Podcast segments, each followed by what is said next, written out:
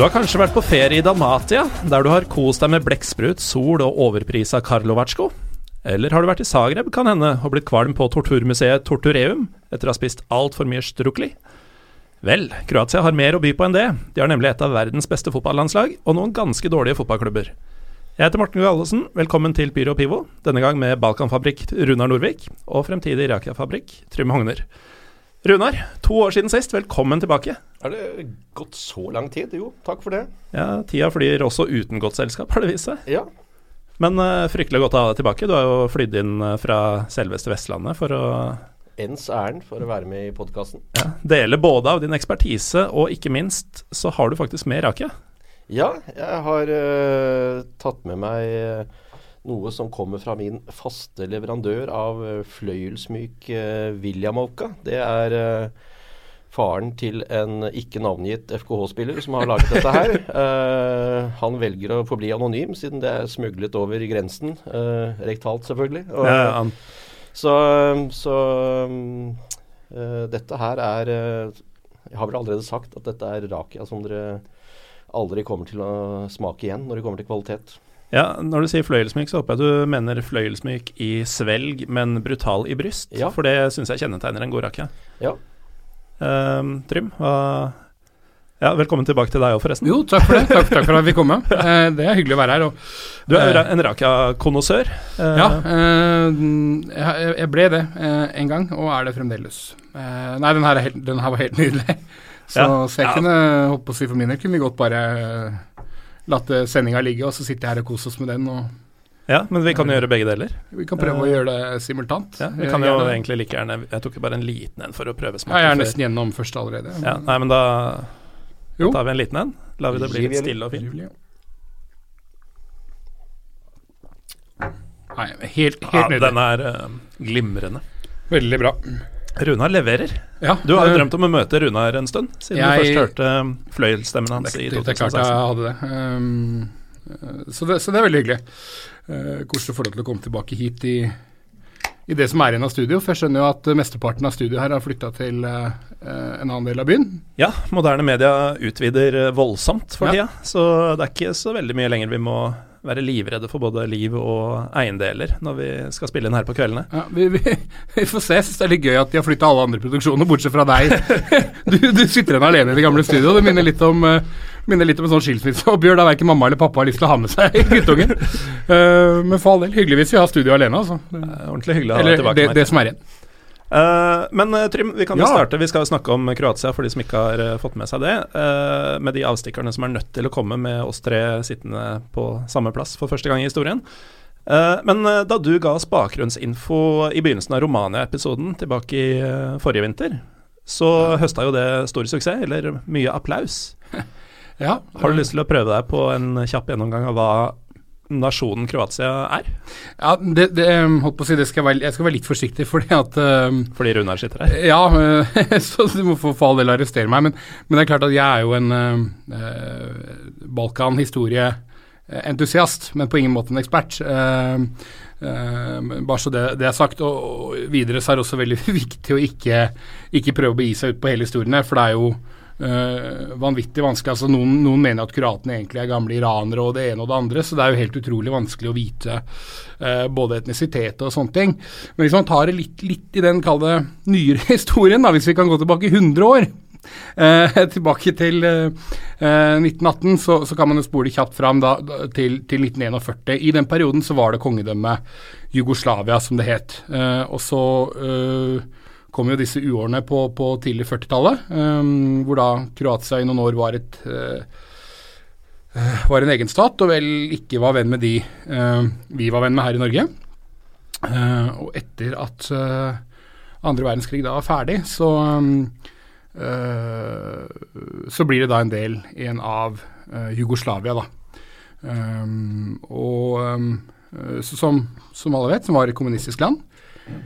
Eh, I veldig lang tid så var Jugoslavia eh, på mange måter det mest suksessfulle eh, kommunistiske landet, fordi at man hadde en, en slags evne til å hva skal man si, ha noe relativt ryddige relasjoner til begge sider på den kalde krigen. da. Eh, I tillegg så, så um, hadde man mye av godene i Jugoslavia som man ikke hadde i andre sovjetland. Um, Det være altså, seg altså TV, uh, jeans, eh, ok biler Jo, jo, men altså dette var ting som f.eks. i Romania var utenkelig. Mm. Uh, Altså, og, Bukser var utenkelig. Nei, jeg, jeg antar at de ikke tusla rundt i sarong i Bucuresti på, på 70- og 80-tallet, men, men, eh, så de hadde nok bukser. Men, men, men det er en del varer som, som, som var tilgjengelig i Jugoslavia. En av grunnene til var selvfølgelig en, en, en god kystlinje. En annen ting var, som, som i dag primært er Kroatia, og en annen, en annen del av det var at Jugoslavia var et veldig selvforsynt land. altså Man hadde produksjon av nesten alt mulig. Eh, Så i veldig lang tid så gikk jo landene landet eh, relativt sett bra. Eh, og så etter hvert så begynner det selvfølgelig å komme litt gnisninger, og så dør jo da eh, Tito i, i 1980. Eh, eh, og utover 80-tallet da så eh, eh, så begynner man å få mer og mer etnisk fragmentering egentlig over hele, over hele linja. Eh, du har da Slovenia og Kroatia, som, som begge opprinnelig er katolske. eh, som ønsker, ønsker at det skal være mindre sentralstyrt, og er veldig styrt fra Beograd. Um, og man ser en økt uh, Kall det nasjonalisme på de ulike partene i det som da er Jugoslavia utover 80-tallet. Um, så hjelper det jo selvfølgelig de som uh, ikke var glad i uh, det regimet, at kommunismen etter hvert begynte å slite over hele Europa når man nærmer seg 90-tallet. Ja, det er noe å sko seg på. Ja, da, da gikk jo på en måte ting, eh, ting ordentlig skeis um, for resten av, av kall det jernteppet, og, og det påvirket jo selvfølgelig uh, også Jugoslavia. Um, og så i 1990, da, når det er total politisk krise i hele Jugoslavia, så holder Kroatia sine første, altså da i moderne tid, uavhengige valg, da. Uh, der han uh, godeste Francho uh, Tudjman. Tudjman vinner, uh, som jo i dag er en kjent, kjent karakter. Uh, og etter der, etter Da går det unna. Da går det unna, for at da, er vi jo, da er vi ute på våren 1990, og det er jo da vi kommer til den famøse kampen som, som er kjent for å være en av de mest berømte uh, fotballkampene i historien, egentlig. I hvert fall i klubbfotball. Uh, mellom Dinamo Zagreb og, og Røde Stjerne i, i, uh, i Zagreb, da. Men dens viktighet uh, er vel ganske overdrevet. Ja, altså Kampen i seg selv er jo på en måte det, men det er jo symbolikken rundt det. Kampen var jo ikke en, en, det var jo ikke en viktig kamp, det var en, det var en, var en seriekamp. Ordinære seriekamp, ja. Uh, men, men da, er man på, da er man på et stadie altså Dette her er i mai, altså en måneds tid etter at valgene har vært holdt i, i Kroatia. Um, valg som selvfølgelig møtte stor motbør i Beograd. Um, Delier, altså de Røde Stjerne sine supportere, har da kommet med ca. 3000 fans over fra Beograd. Jeg tror det er en fire timers uh, kjøretur omtrent, så det, så det er et stykke. Um, og de ledes da av en ganske utrivelig fyr som uh, heter Arkan, som, som også uh, er et navn mange, mange nå kjenner. Um, Han, eh, altså apropos eh, dine historieleksjoner fra, fra det større Balkan. Uh, han fikk jo mildt sagt to tette og en badehette eh, etter hvert, ja, uten at det har noe med dette å gjøre. Nei da, det var for, en, for så vidt en, en stund senere. Uh, men det er riktig, han ble vel skutt på et hotell i Beograd. øh, Noen og 30 ganger, tror jeg det var. Ja, han, han, han, han var svært upopulær etter hvert. Men det som skjer under den matchen, er jo at det blir Altså, det hadde allerede På kampdagen så hadde det allerede, allerede vært øh, slagsmål i gatene i Zagreb. Det hadde vært en del kaos, og så sparkes kampen øh, Eller det er planlagt at kampen skal, skal spilles som normalt, selv om det er veldig intens stemning. Eh, inne på stadion blir det veldig fort totalt kaos. Det er steinkasting, det er banestorming, full pakke. Uh, og dette veldig ikoniske øyeblikket som man ofte snakker om, er jo uh, når Svonimir Boban sparker til en politimann for å beskytte Um, om det er Bad Blue Boys eller i hvert fall uh, noen av supporterne til, uh, til Dinamo Zagreb. Eh, et, eh, et svært ikonisk øyeblikk som, som for kroatene den gangen ble sett på som, eh, som, som meget symbolsk for den, eh, for den kampen. Da. Mm. Um, Men da, det har vel vært hevda at den politimannen også var serbisk, men det Nei. Han var en bosner. var ja, ikke sant? Ja, men det har vært hevda at Ja uh, det har liksom vært en del av folkloren rundt det. Ja. Uh, men, men, altså, poenget var jo det at uh, jeg, jeg, jeg, tror at Genia, som var armeen uh, den gangen, hadde, hadde vel ca. 60% serbere. Bare for å sette et perspektiv. og Det betyr jo at 40% var andre etnisiteter. og så snudde jo det selvfølgelig fort når krigene begynte å mm. virkelig rulle i gang. men, men, men, men det, er, det, ligger masse bilder og video av uh, opptøyene på dette her sånn på YouTube og en del andre ting. og Du, du, du, du ser jo at politiet er innmari voldsomme. Uh, det er køller og sparking og i det hele tatt. Og så er det klart at det var en helt ukontrollerbar greie. Uh, det er en helt vanvittig scene der hvor du ser en brannbil prøve å kjøre på folk fordi han som sitter inni antageligvis får panikk. Så det er ganske, det er ganske voldsomme greier. Det er litt som ambulansen i Konstanza. ja, vi har sett en sånn, vi har sett et sånt tilfelle tidligere. Uh, nei da, men, men, men total, uh, uh, total, kaos. Og det ender jo med at Boban da blir utestengt fra landslaget, eller fra, han blir utestengt fra fotball fra det jugoslaviske forbundet, og, og, blir derfor heller ikke med i VM i Italia i, i, i 1990. da. Mm.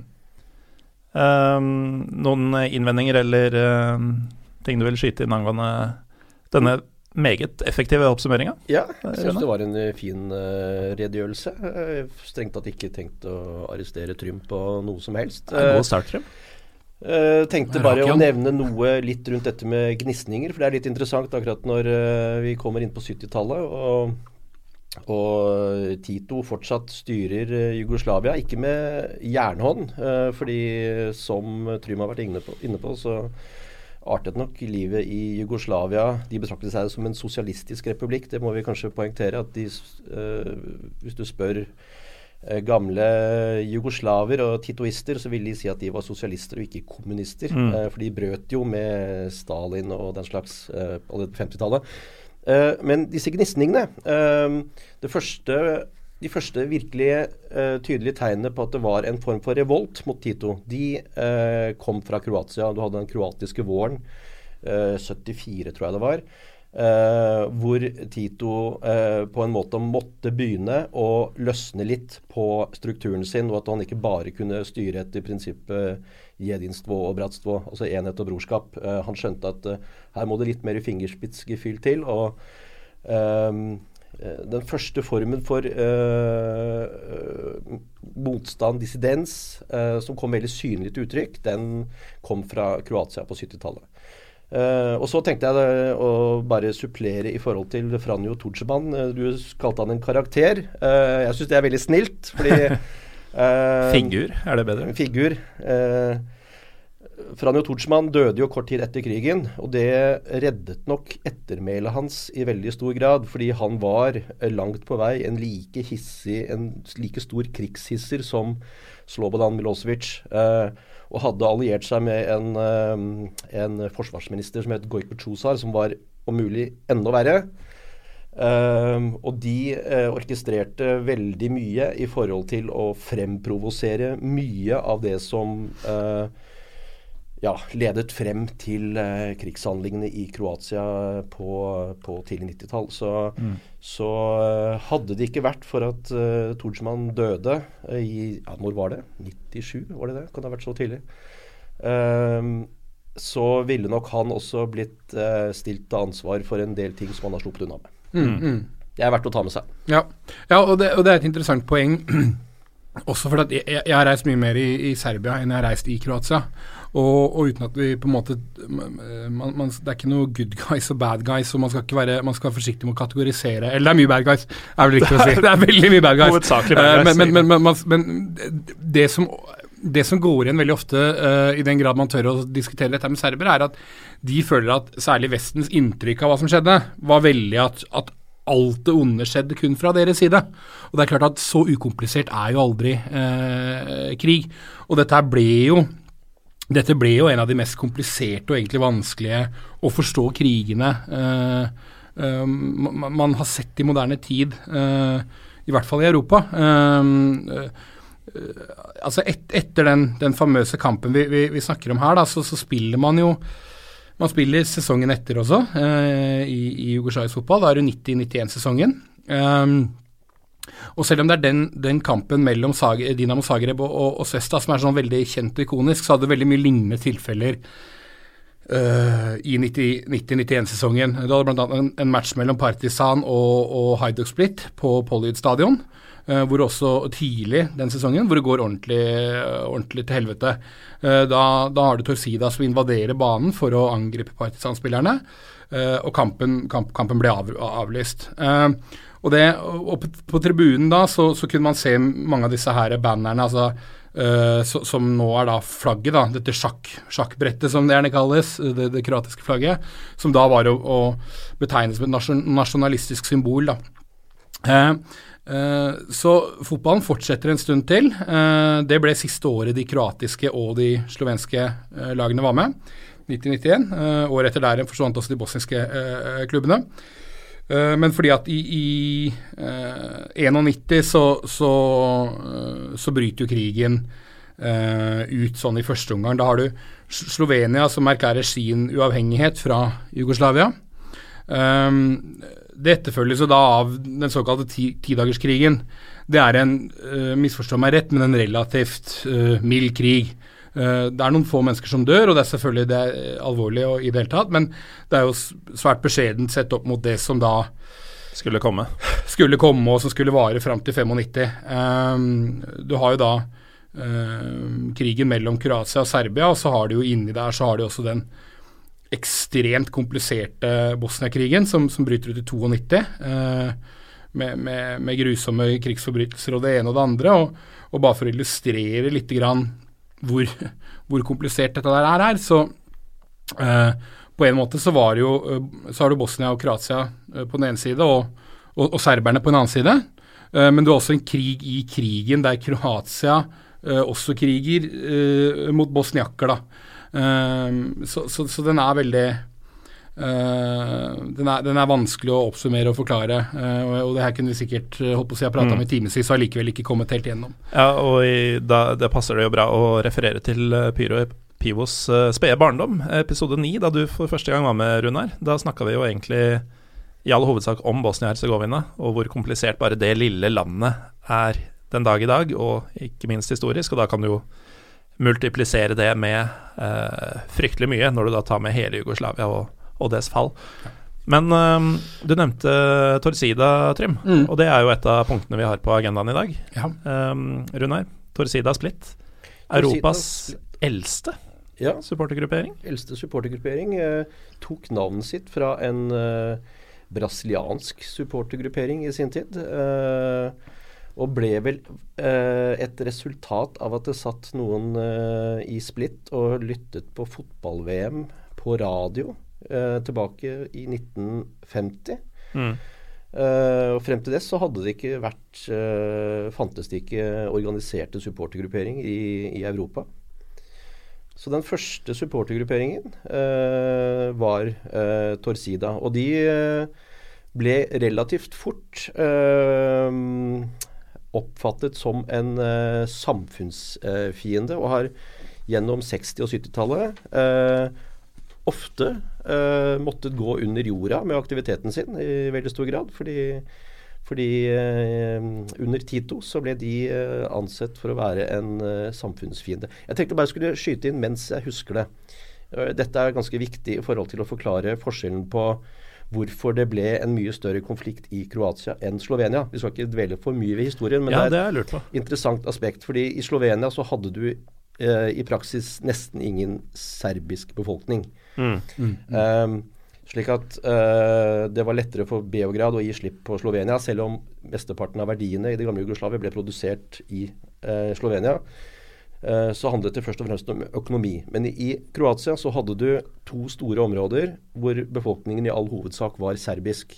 Dette var i Knin-området, og det var øst i Slavonia. Uh, i det der Vukovar ligger? Ja, eh, og eh, gjerne enda lenger inn retning, eh, retning Zagreb. Dette var områder med i all hovedsak serbisk befolkning.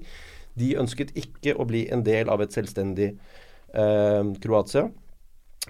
og erklærte seg autonome provinser. grep til våpen og satte opp barrikader. og derifra eskalerte på mange måter krigen i i Kroatia. For da hadde man i Beograd et påskudd for å komme eh, serberne i Kroatia Mm. til unnsetning. Og ja, og siden resten er eh, bokstavelig talt historie. Det er Det det. er verdt å vite i forhold til eh, For å få et bakteppe av hvorfor Kroatia ser ut som det gjør. Ja, og apropos det, det ser jo veldig rart ut på kartet. Det er jo en bumerang, nesten.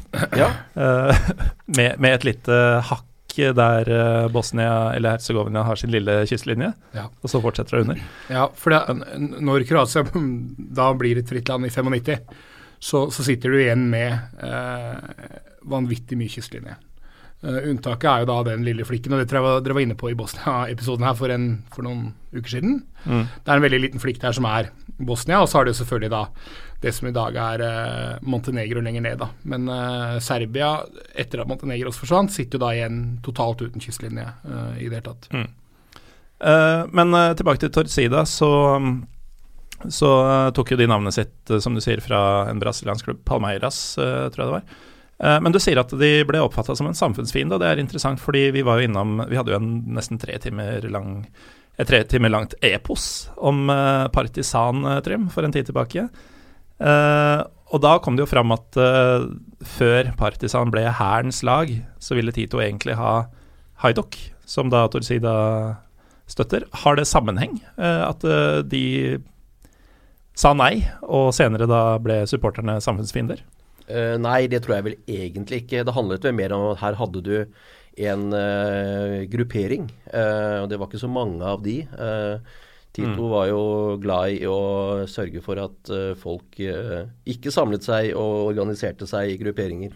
Eh, men her hadde du en, en uformell gruppering som de ikke hadde kontroll på, og som gjennom Uh, tradisjonelle supporteraktiviteter, organiserte aktiviteter på kamp, uh, fremsto på en litt annen måte enn det man uh, nok så for seg at en god jugoslav skulle gjøre. Så, så um, eh, jeg tror nok det i første rekke er forklaringen på, på eh, hvorfor de havnet i unåde blant, blant uh, myndighetene. Men Trym, da du turnerte Dalmatinerkysten først og fremst nå i sommer sammen med din utkårede, så fikk du inntrykk av at dette dalmatinske eh, er et aspekt oppi dette her? At, Ja, men, men på en annen måte. Det er ikke, det er ikke jeg, jeg, jeg føler ikke at det er så Altså, Kroatia består jo av fem eh, historisk sett sånn fem provinser, eller eh, eh, hva, man, hva man skal kalle det. Men, og, og dalmatinerne er vel Jeg ville heller sagt at de er liksom som bergenserne. De er et eget folkeslag i folkeslaget. Men, men de, er ikke, de er ikke der at de sier at de ikke er kroatere. sånn I hvert fall ikke noe mer enn skal man si spøkefull, på en måte. Uh, men det er nok en litt egen kultur. og Jeg føler vel at hvis du skal sammenligne kulturen der litt med, med store deler av resten av eks-Jugoslavia, så, uh, så er det kanskje Du, du merker litt den italienske innflytelsen osv. Det er jo ikke lange veien over mm. uh, å si over bukta der for å komme, komme seg til uh, Italia heller. Bukta, faktisk. Ja. Uh, men hva, hva er det som skiller Torcida eh, og folket i Splitt fra, fra resten, Runar? Er det bare ansienniteten, eller er det noe spesielt i Splitt og, og området der? Ja, For det første så er det jo Hajduk Split kanskje i større grad enn noe annet lag i Kroatia et lag for en hel region. Uh, Ja. Så til de grader. Uh, uansett hvor du reiser i Dalmatia, langs La- Dalmatia-kysten, gjerne helt sør, så kan det sies at uh, fotballen, interessen for fotball er kanskje ikke så stor i området rundt Dubrovnik og disse områdene her. Der er man kanskje vel så opptatt av vannpolo, Van, faktisk. vannpolo. vannpolo. Men, men uansett så ser du dette Torsida-emblemet tagget og sprayet uh, overalt. Overalt. Uh, for, bare for å sette det i et perspektiv, og jeg var jo jeg var og så Dubrovnik uh, sitt lag, altså ikke byen, eh, for all del også, Game of Thrones i det hele tatt, fint det, men jeg var der for å se uh, Kroatisk tredjedivisjon avdeling sør, Dubrovnik, og hele stadion deres er jo full av graffitier og sånn, og til ære for uh, Haidok Split og Tursida, da. Og det, jeg tror, at, jeg tror at du bruker tre, tre og en halv time på å komme deg fra Dubrovnik til, eh, til Split. Det er ganske langt. Ja, du må vel eh, krysse grensa to ganger? Ja, du må først inn i Bosnia, og så, må du, så, er du, så skal du tilbake til Kroatia. Eh, så ja, det, det er helt riktig. Det er definitivt en klubb for en hel, region. Det sier jo litt om Haiduk sin standing i området, Runar. Ja, og, og, det sier noe også om at uh, selv om klubben, vi kommer litt mer tilbake til dette her, uh, sportslig sett uh, ikke har vært noen stor klubb verken nasjonalt eller internasjonalt på veldig, veldig mange år, så kan det jo fortsatt diskuteres om hvilken klubb som egentlig er størst, hvis du ser til en del andre variabler av Dinamo Zagreb og, og Haidok Split. det er jo en del områder som er av interesse for uh, die hard fotballfans, hvor uh, Haidok Split feier gulvet med Dinamo Zagreb, vil jeg påstå. Mm. Jeg har jo jeg har vært i Kroatia én gang, det er ganske nøyaktig to år siden nå. Og da traff jeg jo denne gjengen. Uh, jeg dro til Zagreb for å uh, Hovedsakelig for å overvære denne såkalte klassikeren mellom Dinamo og Haiduk. Og ved en tilfeldighet Alex Holiga. Jeg lurer på om det var du som satte meg i kontakt med han, eh, Runar? Det kan det ha vært, ja. ja. Uh, han traff jeg dagen før kampen, og jeg hadde pressepass og skulle jo egentlig stå og meske meg med fiffen på, på langsida på Maximir. Uh, han satte meg i kontakt med en som het Ante Ikke Rebic, men uh, en eller annen Ante, husker ikke etternavnet i farta. Majic. Som var tidligere Han hadde vært Torsida i ledelsen der. Og så hadde han havna i styret til selve Haiduk og vært der i noen år. Og nå var han tilbake i Torsida. Uh, han ble jeg satt i kontakt med, og han kom og henta meg uh, ved fortauet. dette er jo et tips til lytterne. Det er ikke nødvendigvis noen god idé hvis du reiser aleine i Kroatia og, gå inn i fremmedes biler, uh, for så å havne i et supporterhovedkvarter som, som er skjult. men i hvert fall han Ante, som han het, han kom og henta meg i bilen sin. Kjørte meg til et boligkompleks som føltes som det var i utkanten av Zagreb. Vi tok heisen opp i sjuende etasje eller noe sånt, og inn i det som virka som en leilighet fra utsida, som da var uh, Torcidas uh, hemmelige hovedkvarter i Zagreb. Hvor de hadde slått inn en del vegger, og det var vel et par leiligheter, tror jeg, som hadde blitt en bar og, og diverse. Dødsfett, men uh, også dødsskummelt.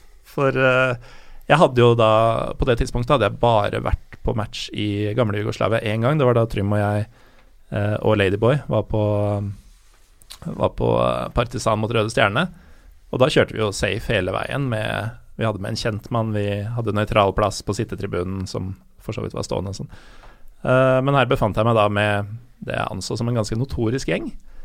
Uh, ingen visste hvor jeg var. Jeg visste ikke hvor jeg var sjøl engang. Jeg kunne ikke sende melding til noen, for jeg hadde jo bare sittet på en bil ute Jeg visste ikke om vi var i nord eller sør i byen, eller noe. Uh, og tenkte at nå skal jeg være veldig forsiktig med både opptaksutstyr og kamera. Men uh, de var jo faktisk fryktelig ålreite. Jeg fikk gratis pølse og gratis øl, og det var ikke måte på. Ikke så god William Ovka som, som, du har tatt med, Runar, men jeg fikk faktisk et godt inntrykk av Torsida. Og det føles rart å si om en kroatisk supportergjeng. Uh, ja, det er mulig, men det føles mindre rart å si det om dem enn uh, Bad Blue Boys i Zagreb. Uh, mm mitt, mitt, inntrykk er at, at, det er et ganske stort skille mellom de to, uten at jeg, uh, er en fremste eksperten på det. Ja, og det er for så vidt Det finnes sikkert fremre, fremre eksperter enn deg også på det, Runar, men Bad Blue Boys, altså Dynamos motstykke til Torsida, hvorfor er de så fæle? Jeg vet ikke om de er uh, så veldig fæle, egentlig. Uh, ikke Er ikke dette gjengen som konstant er utestengt pga. hakekors på gresset og diverse? Ja. Uh, nei, de er jo egentlig ikke det. Denne hakekorsincidenten, for å ta den først. Um, det var jo det, Denne hakekorsincidenten, det var jo faktisk en landskamp som ble spilt i Split. Uh, for tomme tribuner. Uh, mm. Og dette var et uh, stunt. Altså det er nok av hakekors som dukker opp i, i kroatisk fotball. Hvor, hvor, det ikke er mulig å ta feil av formålet og hensikten. Men akkurat dette hakekorset som dukket opp i Split i forbindelse med denne landskampen, det var en, en, helt bevisst handling hvor man ønsket å få straffet det kroatiske fotballforbundet. Og dette mm. var Uh, supportere fra sannsynligvis Torsida, som uh, i mange år har ligget i krig med det kroatiske fotballforbundet. Uh, som hadde tenkt at hvis vi nå risser et hakekors inn i matta her, så blir vi utestengt. Og det er jo det de egentlig ønsker, fordi de ønsker å Eller den gang så ønsket de å tvinge Fotballforbundet i kne.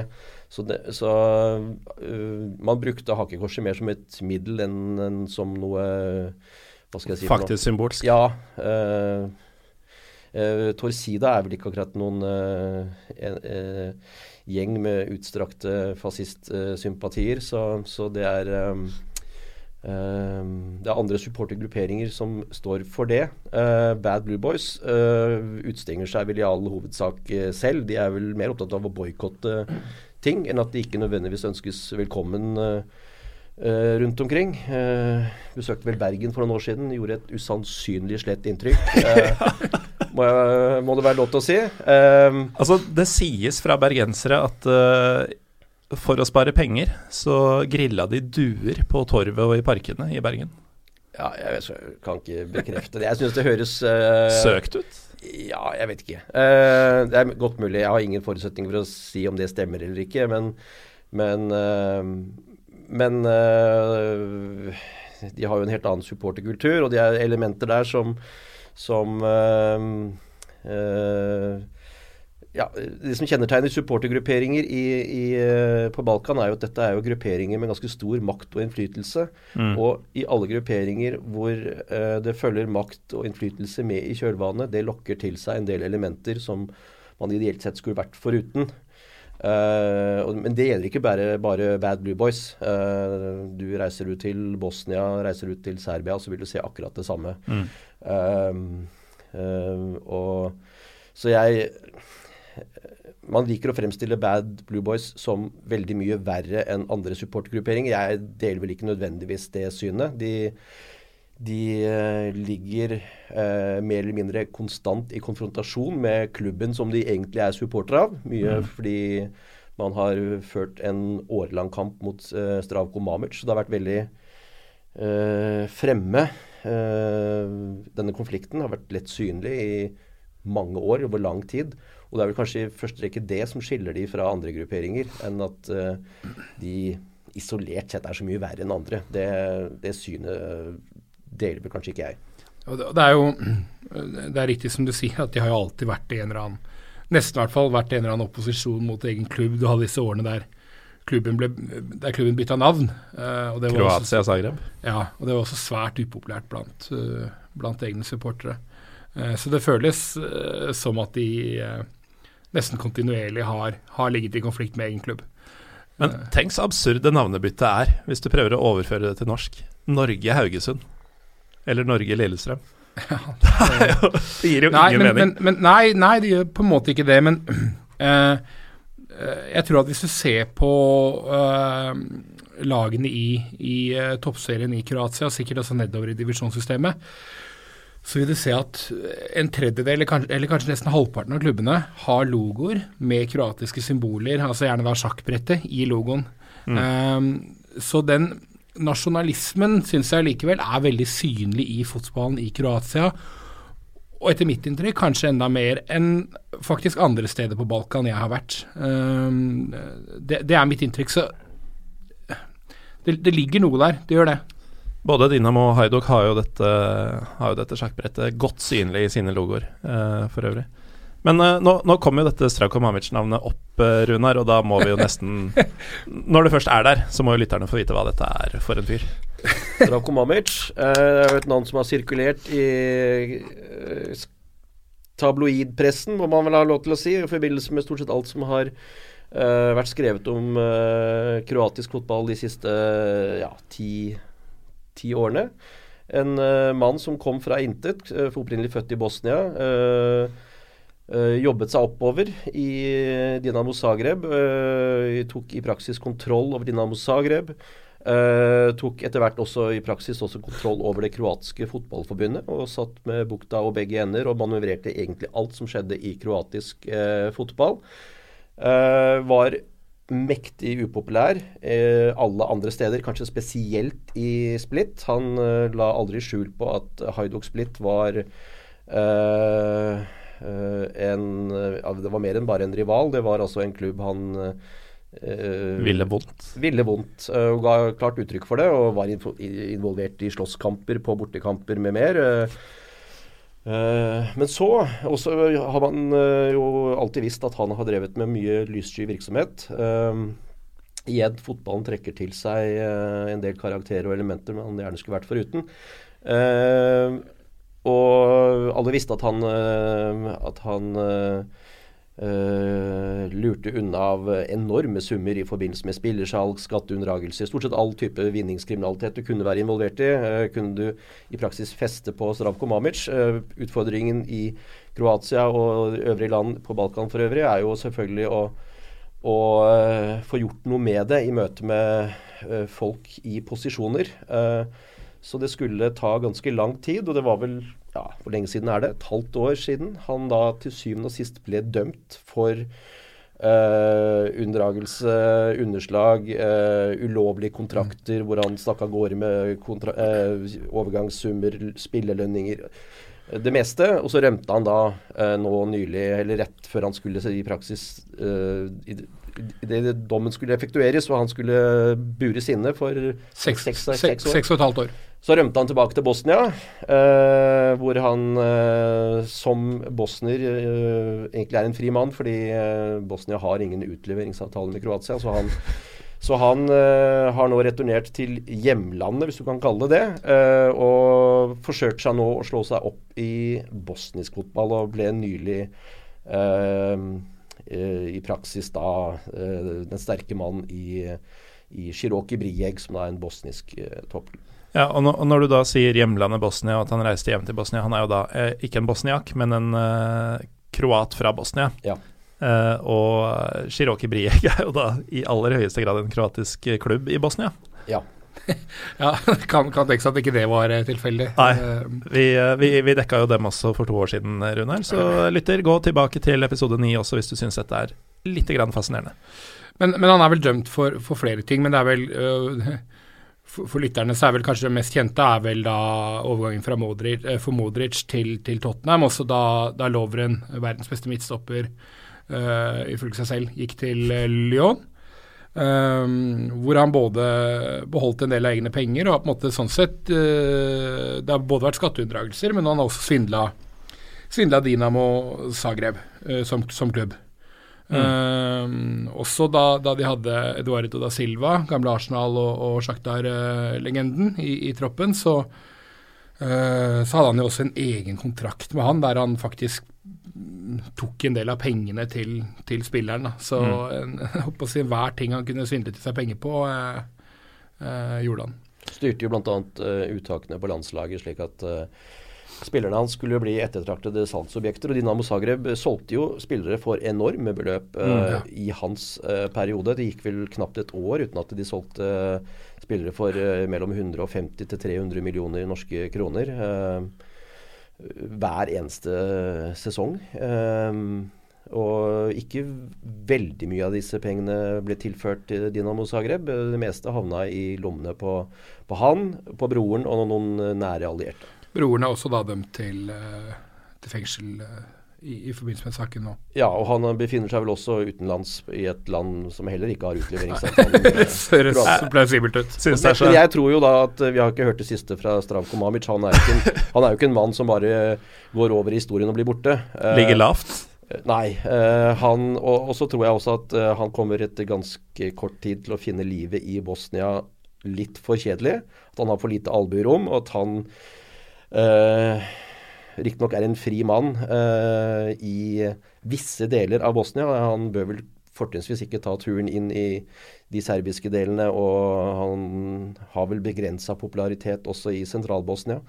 Uh, sånn at uh, handlingsrommet hans er ganske begrensa der. Så blir det interessant å se hvordan han forholder seg til det fremover. Uh, dette kan ende på flere måter, enten ved at han faktisk eh, kaster kortene, reiser tilbake til Kroatia, soner deler av straffen sin i hvert fall, og muligens kan plukke opp igjen eh, trådene. Eh, det kan innebære at han sitter i Bosnia og har en hånd i Dinamo Zagreb eh, fortsatt. Jeg blir veldig overrasket hvis han ikke har det, uten at jeg kan si konkret at det er noe man vet. Eh, ellers så skal man ikke bli veldig overrasket om det plutselig dukker opp en form for amnesti i mm. ikke altfor uh, uh, ikke altfor langt frem i tid, som gjør at han kan reise tilbake og ta opp igjen uh, tråden der han slapp. Ja. Vil et sånt amnesti ha en eim av korrupsjon over seg? Et hint av mm. penger under bordet. og Er det noe Stravko Mamic har mye av, så er det penger. Han har han Som har, allerede ligger klare under bordet? Ja, bordet løfter seg. Det er for mye penger der. Men, men han har vel også vært uh, utsatt for uh, attentat. Han har, uh, har, vel vært forsøkt drept? Ja da, og han Vi har jo allerede nevnt Bad Blue Boys. Bad Blue Boys har jo ligget i konflikt med Stravko Mamic mer eller mindre fra dag én. og vært mye av for, foranledningen til at, til at Uh, Bad Blue Boys knapt har vært å se på Dinamo Zagreb-kamper på mange mange år. Det har vært noen perioder hvor de har gjort unntak og prøvd å nærme seg hverandre, men dette har havarert etter kort tid uh, hver eneste gang. Mm. Og, det, og det, som er synd, synd med det, um, og der, der, kan kanskje etter hvert prate litt om, om, om Rijeka også, men, men, det er jo at man, man ser dette her på tilskuertallene i gratis fotball, for de er jo uh, veldig, veldig lave. Uh, snitt på 2500-3000 tilskuere i ligaen. Uh, og, det, og, det, føles lavt når man tenker på hvor mange uh, relativt gode lag det er i, i ligaen. da. Ja, og sånn som Dinamo Zagreb, Haudok Split og etter hvert også Osijek Krijeka er jo store klubber i et land som ikke er kjempestort, men som, som har en del innbyggere og en del sportsinteresse. Uh, og da det, det, da i et land hvor landslaget spesielt er jo blant verdens fremste. Uh, men uh, vi kan jo, kan jo, holde oss litt til, til, Split og Zagreb først, for det er jo det folk flest kanskje kjenner best til, da, i den grad man kjenner til dette. Um, vi har vært litt inne på det, Runar, men det er, ikke, det er ikke det beste forholdet mellom de to byene. nei. for det første så har du den sedvanlige konflikten mellom hovedstaden og andre storbyer det, er jo litt universelt, akkurat dette her. At det er rivalisering byer imellom. Og så har du det eh, som vi allerede har vært inne på, eh, Split, som på en måte representerer en hel region. Eh, mm. Som arter seg en god del annerledes enn eh, en, eh, eh, den typiske Zagreb-beboer. Hvis du reiser til Zagreb, så vil du oppleve at ting er ja, veldig vest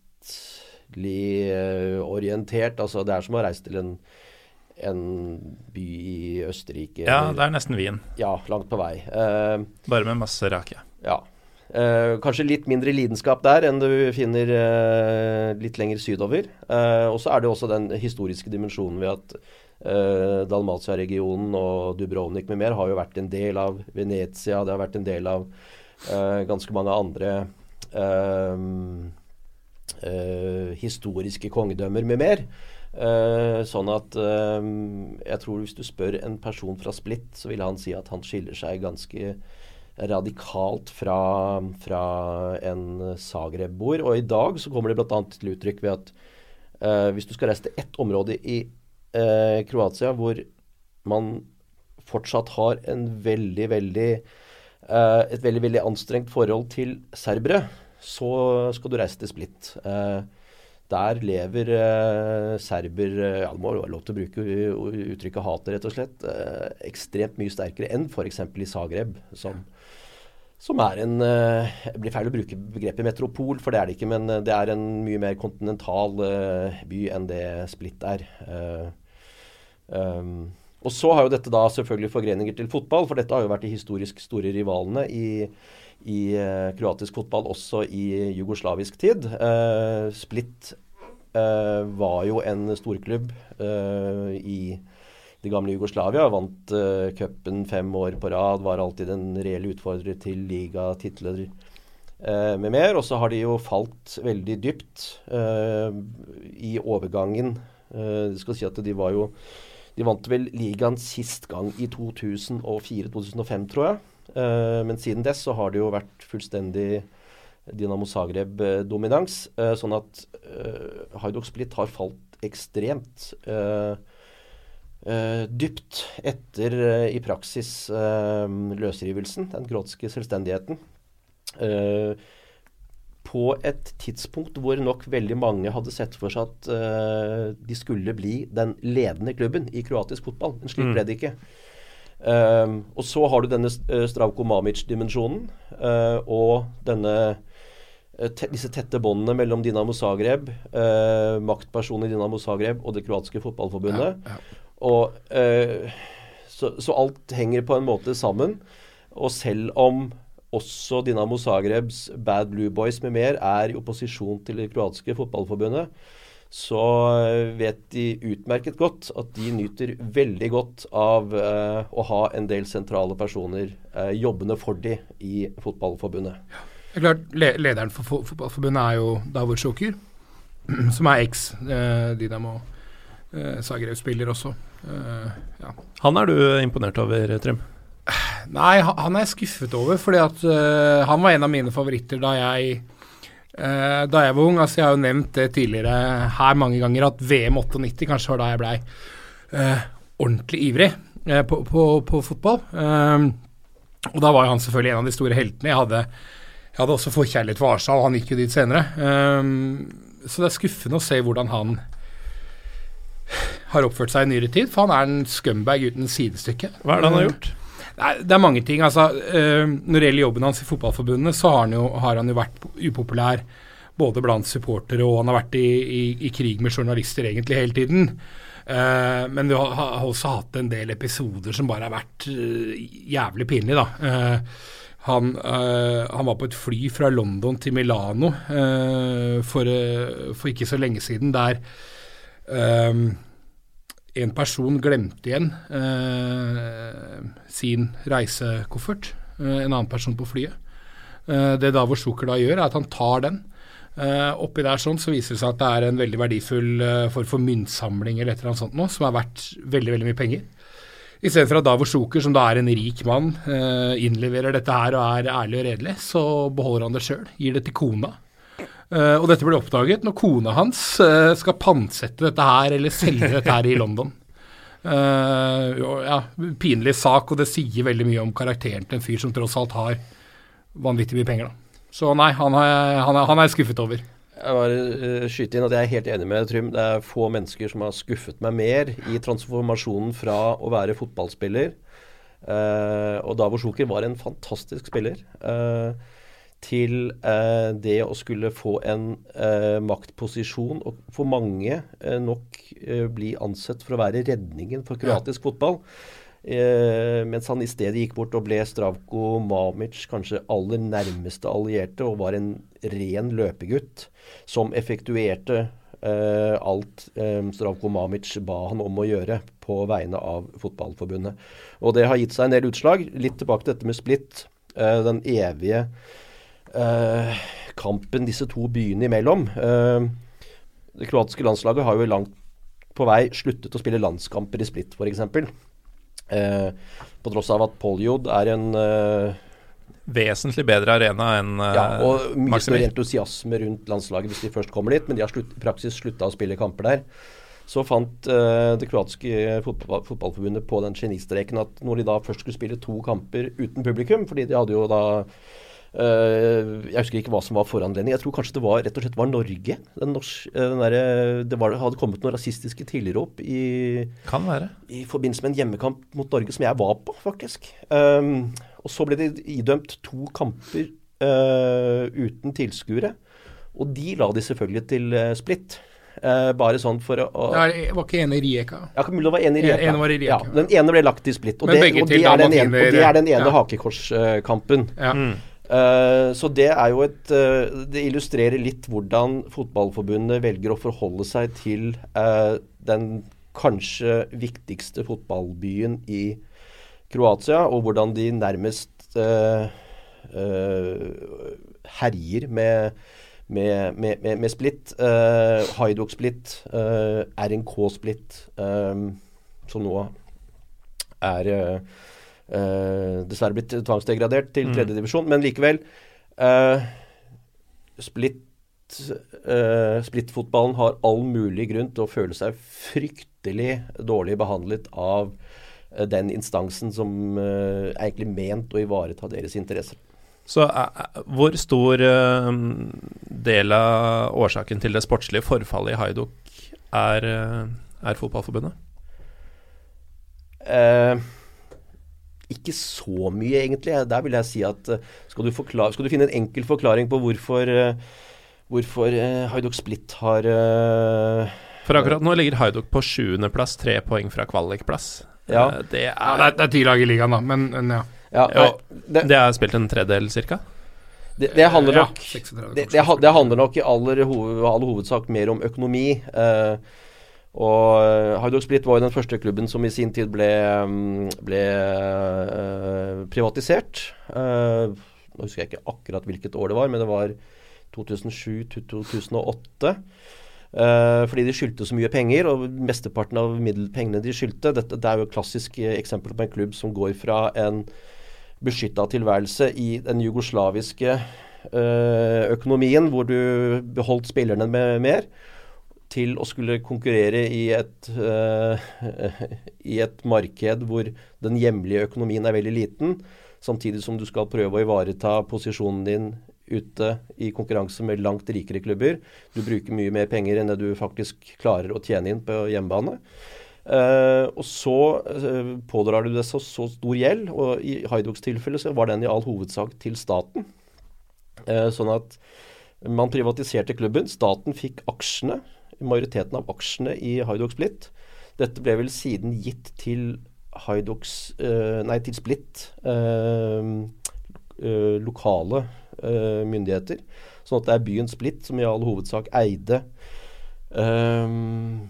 byen, nei, klubben. Og, og med ett unntak så gikk vel klubben med ja, jeg tror det var nærmere 100 millioner kroner i underskudd hvert eneste år i 12 eller 13 år på rad.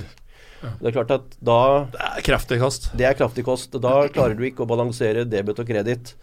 Um, og um, derfor har ikke bare Dinamo Zagreb overtatt hegemoniet i um, kroatisk fotball, men derfor har også Hajduk Split i dag blitt redusert til en klubb som for øyeblikket egentlig har mer enn nok med å uh, holde plassen. Det, nå, mm. nå, kommer de ikke til å rykke ned, det kan jeg si med en gang, men, men at Haidok Split skulle ende opp uh, der de er per i dag, det tror jeg ingen så for seg, selv ikke når det var som mørkest for fem, seks, syv, åtte år siden.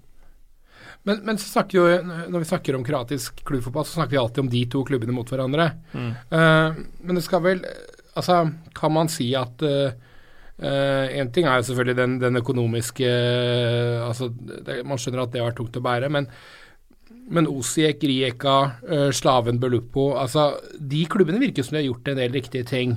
Så det er vel ikke bare styrkeforholdet mellom de to store. Uh, altså, uh, jeg tenker at Haiduk konkurrerer jo også med disse andre klubbene. Hvis du ser VM-troppen til Kroatia, som gjorde et relativt OK mesterskap, tror jeg de fleste vil være enig i. Straight up. Ja. så er jo ni av spillerne i troppen er jo dalmatinere, ikke sant? Jeg har ikke tall på hvor mange av de som har vært gjennom Haiduk-systemet, men jeg tror at en del altså Rijeka f.eks. virker som de jobber veldig riktig, da. Uh, med unntak av stadionsaken sin, som er helt håpløs, men, men, men, men, ja. rent sportslig sett. Rijeka er jo spennende, fordi de, eh, de brøt jo hegemoniet til Dinamo ja. for en to sesonger siden, er det vel? Halvannet år siden de vant. Uh, samtidig som Monaco brøt PSG sitt. Uh, men siden den gang så har de tapt for Serp, og, og nå er det noe stadionkaos der, har jeg skjønt. Ja, Rijeka de spilte jo på denne fantastiske Cantrida stadion i ja. veldig mange år. Så uh, har de besluttet seg for å rive den, og så skulle de bygge nytt. Og så har uh, egentlig byggestart på den nye stadion blitt utsatt og utsatt og utsatt. Så nå spiller de på en alternativ bane, og det har de gjort veldig lenge i påvente av at nye Cantrida skal stå ferdig, og det ligger nok langt uh, frem i tid. Uh, men det er veldig riktig det, uh, helt riktig det som Trygg sier, at det er flere klubber som etter hvert har kunnet gjøre Altså både Osijek og Rijeka er jo historisk sett store klubber, også mm. tilbake i det gamle Jugoslavia. Slaven Belupo har en privat eller en bedriftssponsor som sørger for at uh, en liten filleklubb egentlig som kommer fra en liten tulleby som heter Koprivnica, gjør det sånn tålelig bra. Uh, Osijek holdt på å gå konkurs for fire-fem år siden, men så kom en av uh, Hva heter han uh, ungarske presidenten Urban? Viktor Urban. Viktor Urban, ja. ja. Han har jo via noen mellommenn spytta inn masse masse penger i Osijek, sånn at de gikk fra å være lut fattige til å bli kjemperike i kroatisk sammenheng. og har nå begynt å hamstre spillere i veldig stor skala, faktisk. så de har kjøpt seg tilbake til den posisjonen de hadde tidligere. Mm. Det er en storklubb, helt udiskutabelt. Um, og uh, Rijeka har måttet De har fått en liten korreks, Rijeka, etter at de vant uh, ligagullet sitt. Uh, bare ta med det at den siste spilleren uh, som i sin tid gikk mellom um, Haidok Split og Dinamo Zagreb det er, ikke, det er ikke vanlig at spillerne går direkte mellom disse klubbene. De som gjør det, blir aldri veldig populære. Uh, Niko Kranjčar gjorde det i 2004, vel, og dro til Split og ble seriemester. Siste gang Hajduk Split ble eh, kroatisk seriemester. Eh, så var det plutselig at denne eh, Andrija Sevic tok turen fra Hajduk Split til Dinamo Zagreb. Ble selvfølgelig mektig upopulær i Split. Eh, og så slo han ikke helt til i Dinamo Zagreb. Upopulær der òg, da? Ja, altså, ja, eller det, han gjorde, Den mest effektive du kan gjøre med tanke på å bli upopulær, det er å gå videre til en tredje klubb, som da sørger for å bryte hegemoniet. Han dro mm. til Rijeka, spilte en fantastisk sesong og var den ø, vesentligste årsaken til at sammen med trener Mathias Ja, jeg skulle til å si at ja, fordi jeg har hatt en trener fra Slovenia der. Ja, Matias Kek, fantastisk trener, rett og slett. Ja, og det er jo etter at han har forsvunnet at, eh, at, de har fått seg en liten At, at de har blitt slått ut av Sarpsborg, for å si det sånn. Men Andreas, Andrea Zevic, han var jo helt fantastisk den sesongen, og mm. kanskje hovedgrunnen til at de at de eh, brøt hegemoniet til eh, Dinamo Zagreb. Så han har jo da rukket klart det kunststykket å bli mektig upopulær, både først i Split og siden i, i, i Zagreb. Um, så, men så dro han til uh, Belgia, og nå spiller han vel Eller sitter vel på benken i Gent eller noe sånt, om jeg ikke tar helt feil. Kan spille noen andre lags fotball mot uh, Fredrik Oldrup Jensen, eller hva han heter Ja. Men, det, men, men, det å gå mellom de to klubbene, Split og Dinamo Zagreb, det skal man da definitivt ikke gjøre. Nei. Nei. Men uh, Haiduk er jo da litt i trøbbel, og så er det vel ikke bare fryd og gammen, uh, i hvert fall eierskapsmessig og litt diverse trym i Dynamo, selv om de uh, herjer i Europaligaen og er ubeseira i ligaen? Nei, altså det er jo det vi har snakket om med, med Mamic og, og, og, den biten der. Mm. Uh, men det er jo det de gjør i Europaligaen, som jeg har skjønt at du er litt glad i. Um, ja, du er vel ikke helt fremmed for uh, den turneringa? nei, uh, nei da, jeg er ikke det. men det de har gjort i Europaligaen nå, er jo kjempeimponerende. Nå vant de jo Uh, slo de jo Spartak Tevnava for tomme tribuner. I, mm. Ja, det ble det i går, faktisk. Vi det blir det. På, på fredag, kanskje. Full pott. Ja. Uh, ja. Uh, ni poeng i en tross alt ganske sterk gruppe, med Fenerbahçe, som du vel kjenner litt til, og, og Anderlecht. Uh, og, og nevnte Spartak Trnava. Da. Så mm. sportslig sett så virker det som det, så det går så det griner. Ja, altså, du, du, kan ikke ta Du kan ta Dinamo Zagreb på mye rart, men du kan ikke ta de på eh, måten de eh, har forvaltet eh, dominansen sin. Altså måten de kontinuerlig fortsetter å produsere nye spillere, hvordan de selger de ekstremt dyrt. Sistemann de solgte, var vel uh, Benkovic, midtstopperen til Var det Leicester som kjøpte han for 12-13 millioner pund i sommer? Eh, Piazza forsvant til Juventus, 23 millioner euro eller noe sånt noe. Uh, udiskutabelt uh, regionens fremste talentutvikler. Og spyr jo ut spillere i et format og i et antall som er uh, ekstremt imponerende. Så du kan på en måte ikke ta de på fag uh, i mm. Dinamo Zagreb. Det er en klubb som er gjennomsyra av fotball. Uh, men det er mye annet som følger med i, i, potten der, som kanskje gjør klubben ja, litt mindre uspiselig, da. Eller ja. litt mindre spiselig, heter det. Og dette var sommeren da Ante Choric omsider uh, dro fra klubben. Uh, Sodani har dratt omsider. Altså, det er jo to av de aller største stjernene deres. Og uh, foreløpig gjør de det bedre i Europa enn jeg kan huske å ha sett dem. Ja da, altså Etterveksten i Dinamo Zagreb uh, Du tror hele tiden i takt med at nå, nå, nå, må det stoppe opp. For nå de kan ikke fortsette å produsere spillere i det tempoet de gjør. Men, uh, men jo, det, det, gjør de faktisk. Det, etterveksten i Dinamo Zagreb er helt fantastisk. Så dette kommer vi bare til å se. De kommer til å fortsette å selge spillere for 20-30 millioner euro hvert eneste år fremover. Det er jeg helt sikker på. Men er det, er det her en Dinamo-greie, eller er den hjemlige fotballen og ligaen på vei opp? som landslaget åpenbart har vært? Jeg vil si at det er en Dinamo-greie. Um, Hajduk Split solgte jo Lasic, Nikola Lasic til Everton for uh, 10 millioner euro. Det var jo deres dyreste spillersalg nå noensinne, tror jeg, uh, for halvannet år siden. Um, og selv om Haidok Split også sender spillere utenlands med jevne mellomrom, så er de ikke i samme situasjon med tanke på å kreve samme type overgangssummer, sånn at de kommer seg aldri på fote økonomisk. Dette er bare for å holde seg flytende og mm.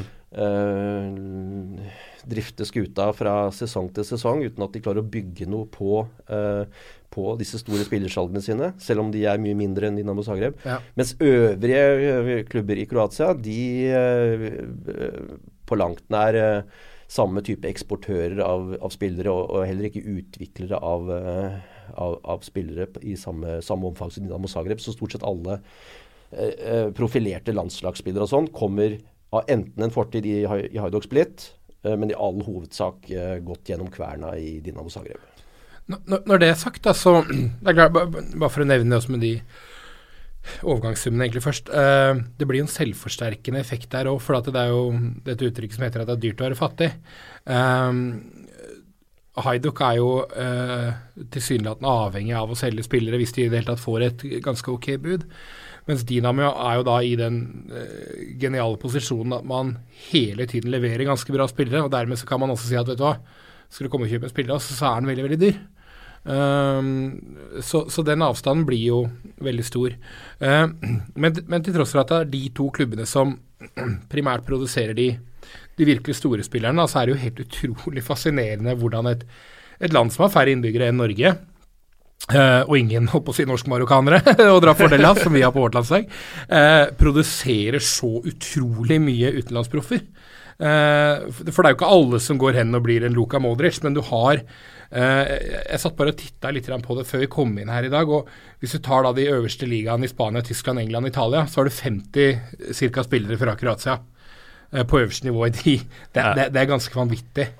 Um, det er vel nesten umulig å finne et land med større hva skal vi si, misforhold mellom nivået på liga og landslag. Og jeg veit jo at du, Trym, har ja, jo, ja, det kan vi For å si en teori på hvorfor? Men... Nei, jeg har ikke en teori på hvorfor, men jeg har jo noen horn i sida som vi kan komme litt inn på når vi sikkert etterpå skal inn på landslaget. Men, men, men, men jeg, jeg, leste også at de har, det er kroatiske spillere i mer enn 70 forskjellige land. Uh, og det er Altså, de har spillere i Vietnam, de har spillere i Malaysia, Irak, Færøyene, Indonesia. Uh, dette, er jo ikke, dette er jo ikke fotballnasjoner, men det sier noe om uh, et lite land som produserer ja. fotballspillere på løpende bånd, og ikke Skulle... minst i Moldova, i ditt kjære sheriff Tiraspol. Mitt kjære sheriff Tiraspol. ja, ja, ja. det, det, høres jo nesten ut som vi snakker om Armenia her, med tanke på diaspora. Men mm. Og til og med i Norge. Ja. Jeg, jeg er jo frista til å si at uh, hvis du skal forklare hvorfor uh, Kroatia går bort og spiller en VM-finale i fotball, så er det langt flere uh, grunner til at de gjør det på tross av ganske mye, enn en, på grunn av en del ting. Altså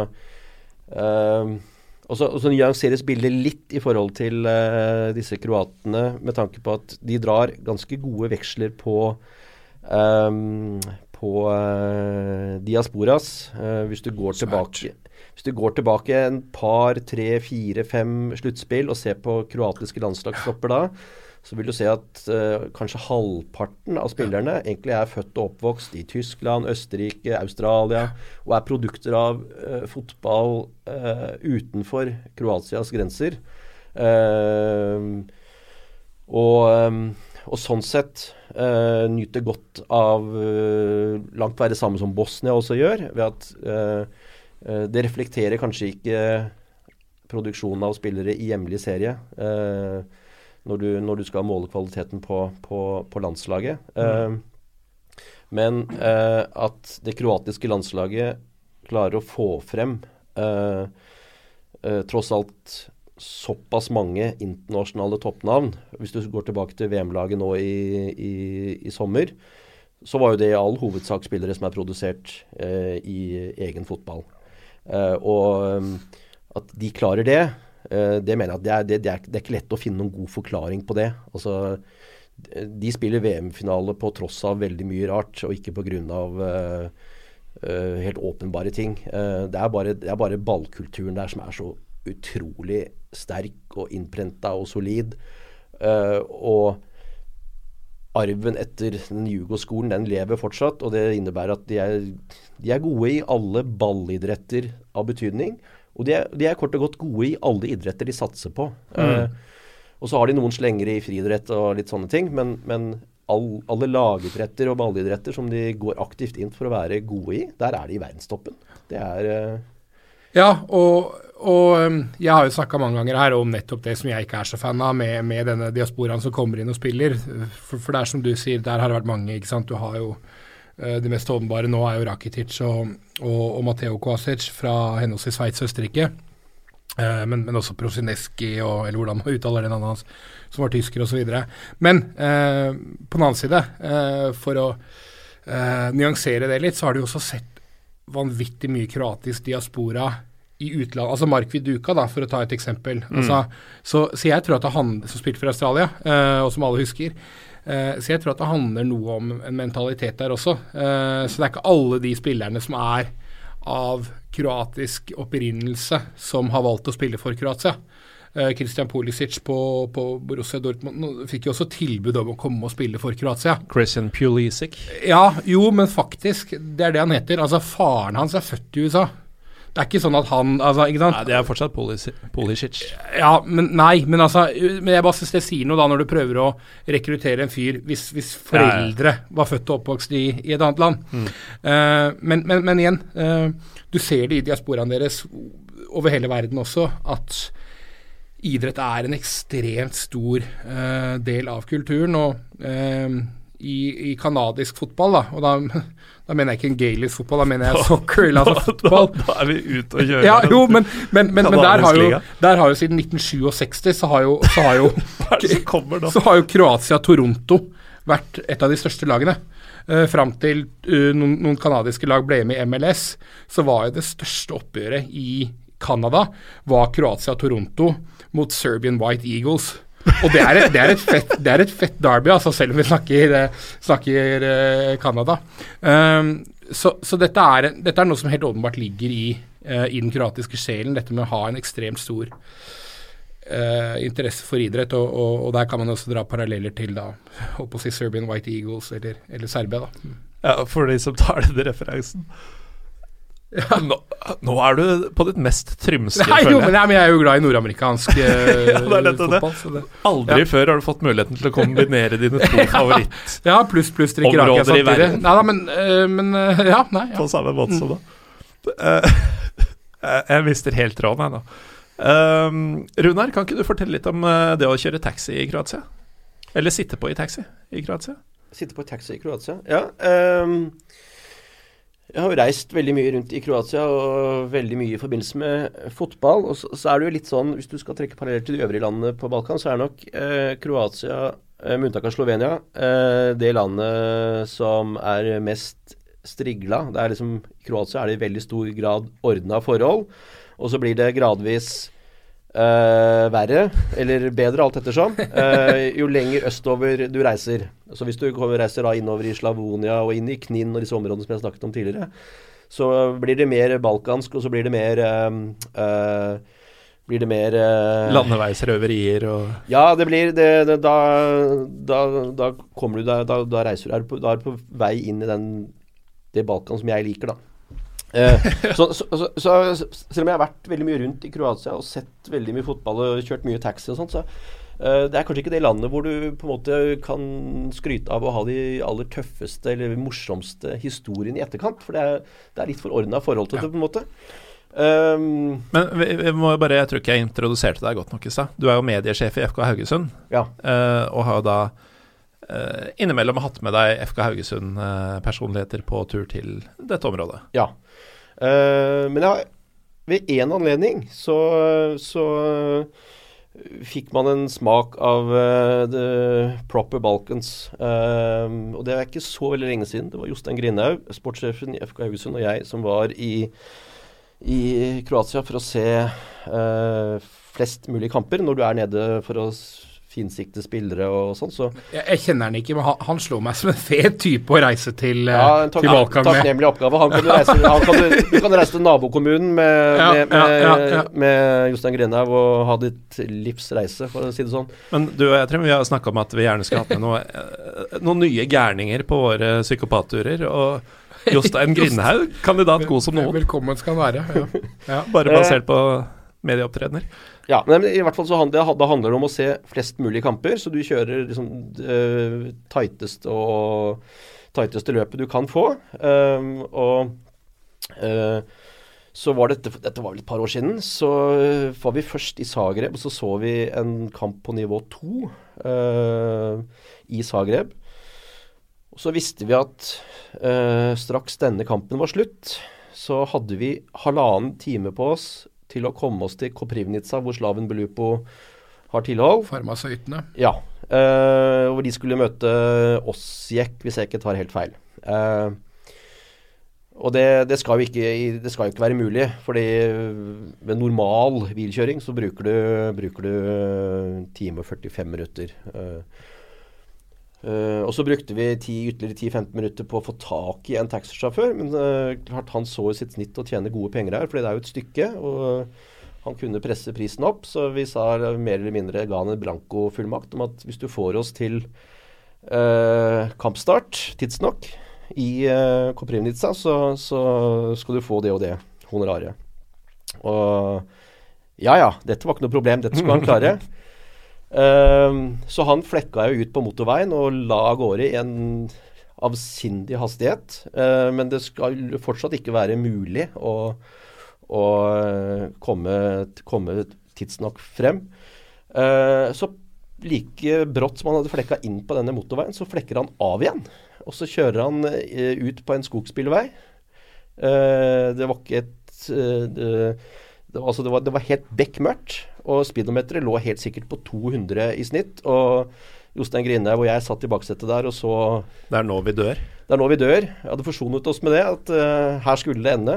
Send melding hjemme og Ja, ja, det var, det var bare det var bare å avslutte de prosjektene du måtte være involvert i, og så, og så vite at eh, man skulle ende sine dager her på den øde skogsbilvei hvor det, i bekmørket. Eh, og der kjører denne taxien av gårde. Uh, det, jeg vet ikke hvor langt det er til Kopernica. Det er vel en 10-12 mil, kanskje. Åtte av de kjører vi på denne skogsbilveien. Uh, og, og, hvis det kommer noe ut i veibanen der, så er det jo kvelden. Skulle det komme en fotgjenger slentrende, så er det jo over og ut for vedkommende. Du har ikke mulighet til å stoppe i den hastigheten han kjører.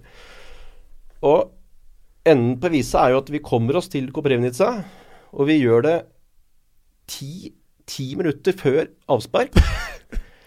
God klaring, altså. God klaring. Og det tilsier altså Jeg mener at jeg satt og regna på det, at han må ha holdt en snittfart på nesten 200 km i timen for å komme, komme dit eh, på så kort tid. Nå kjørte han denne snarveien, da, men på særdeles dårlig eh, veiforhold. Og så eh, blir han selvfølgelig med inn på stadion, eh, fordi han skal kjøre oss tilbake igjen etterpå. Um, og så eh, blir han sittende ved siden av meg, og så ser jeg at han sitter og skjelver på hendene. Han får liksom den store skjelven.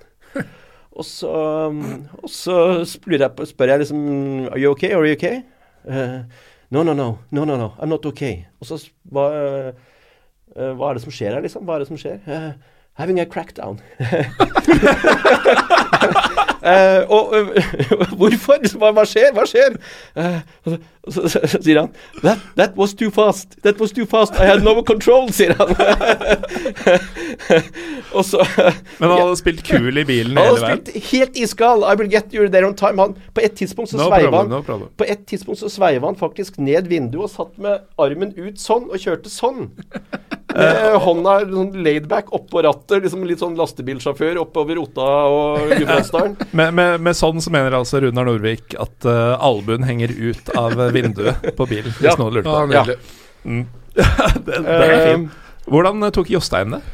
Uh, ja, han har snakket om Han har vært med på mye rart. Han, vi har kjørt gjennom minefelt i Bosnia og alt mulig rart. Vi, så det er andre ting som, som uh, kanskje topper eh, dette i forhold til bilhistorier. Men, men eh, i Kroatia så er dette tror jeg kanskje det eneste sånn virkelig sånn Balkan-crazy som jeg kan si at jeg har opplevd. For det, det meste går liksom pent og pyntelig for seg. greit for seg. Ja. Men uh, sist du var her, så fortalte du om at du løp fra mm, en uh, flokk uh, pengehungrige mm, sigøynere et eller annet sted i Bosnia. Jaget gjennom gatene i Kakania. Av, Var Jostein Grindhaug med på det? nei, da var jeg Nei. alene. Så da den, alene. den uh, har han ikke opplevd? Der kan han ikke visst. Ja, da, da har vi noe å ta med Jostein Grindhaug på Trym. Men i motsetning til Trym, så har jeg da aldri kjøpt hjemmelaget rakia av en helt tilfeldig sigøyner på gata i Mostar. Det føler jeg er risikosport over alt annet. Det overgår selv eh, å stupe fra den der gamlebroa i byen der. eh. Ja, men eh, dette er ikke kødd engang. Vi fortalte Runar at Trym hadde gjort nettopp det Runar sa Trym har gjort, eh, før vi gikk på studio. Og Runar, som har lengre og breiere fartstid på, i det gamle Jugoslavia enn de fleste i Norge, i hvert fall av nordmenn, lo seg i stykker og mente at dette var Ja, det, helt sjukt å det er tett på det villeste jeg har hørt. Da har, du, da har du dødslengsel hvis du går til det, det skritt der og kjøper kjøpe. Men Trym, du serverte meg disse greiene, du. Ja, jeg ville jo at du skulle smake på den først. det kunne jo være at du ble blind. Uh, nei da, uh, men jo da. Nei, det, det, det er ikke å anbefale. Det er det ikke. Uh, det er det ikke. Men eh, når det er sagt, da, så er jo du Altså Mostar, det er jo, det er jo også en av eh, Hvis man først er i, i Kroatia, så er det, det er et sted som er veldig enkelt å komme seg til. Hvis det Mm. er sør i Kroatia, da f.eks. Dubrovnik. Uh, Eller helt- Split. Helt nydelig. Ja, ja. Ja. Apropos det, Gallosen, kan vi Uh, bare få skyte inn? Jeg satt og hørte på denne episoden dere hadde her for en tid tilbake fra Bosnia. Var ikke den nydelig? Veldig bra.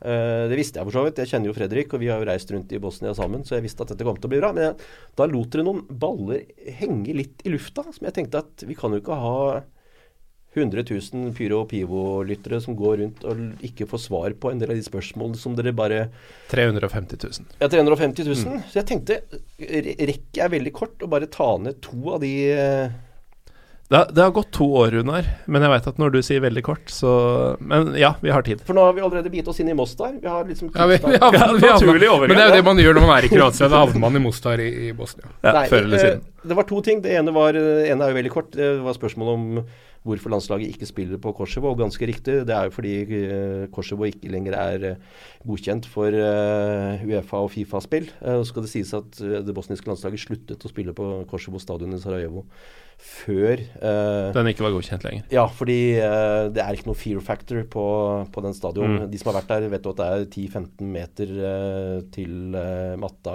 i svingen og sånn. Så selv om det var utsolgt, så var det generelt sett mye dårligere stemning enn i Zenica, hvor de vanligvis spiller kampene sine. Og nå har de begynt å spille på Garbavica, for nå er den blitt eh, godkjent. Eh, det var grunnen til det. Og så var det dette med Dere snakket om forholdet mellom Zenica og Sarajevo, og hvorfor det var så mye ondt blod mellom Zelik Zenica og Sarajevo-klubbene. Mm.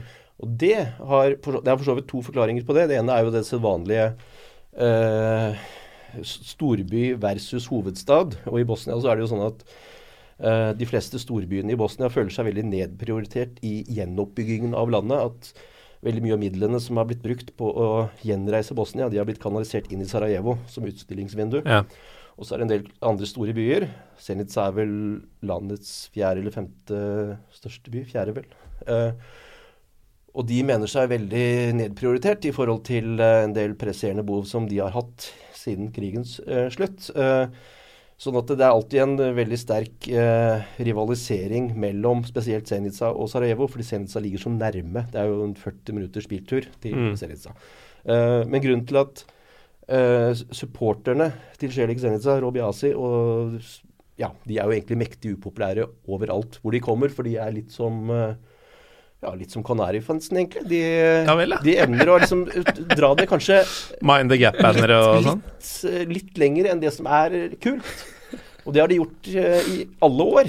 Så de har liksom havna på kant med alle, uh, uavhengig av etnisitet med mer.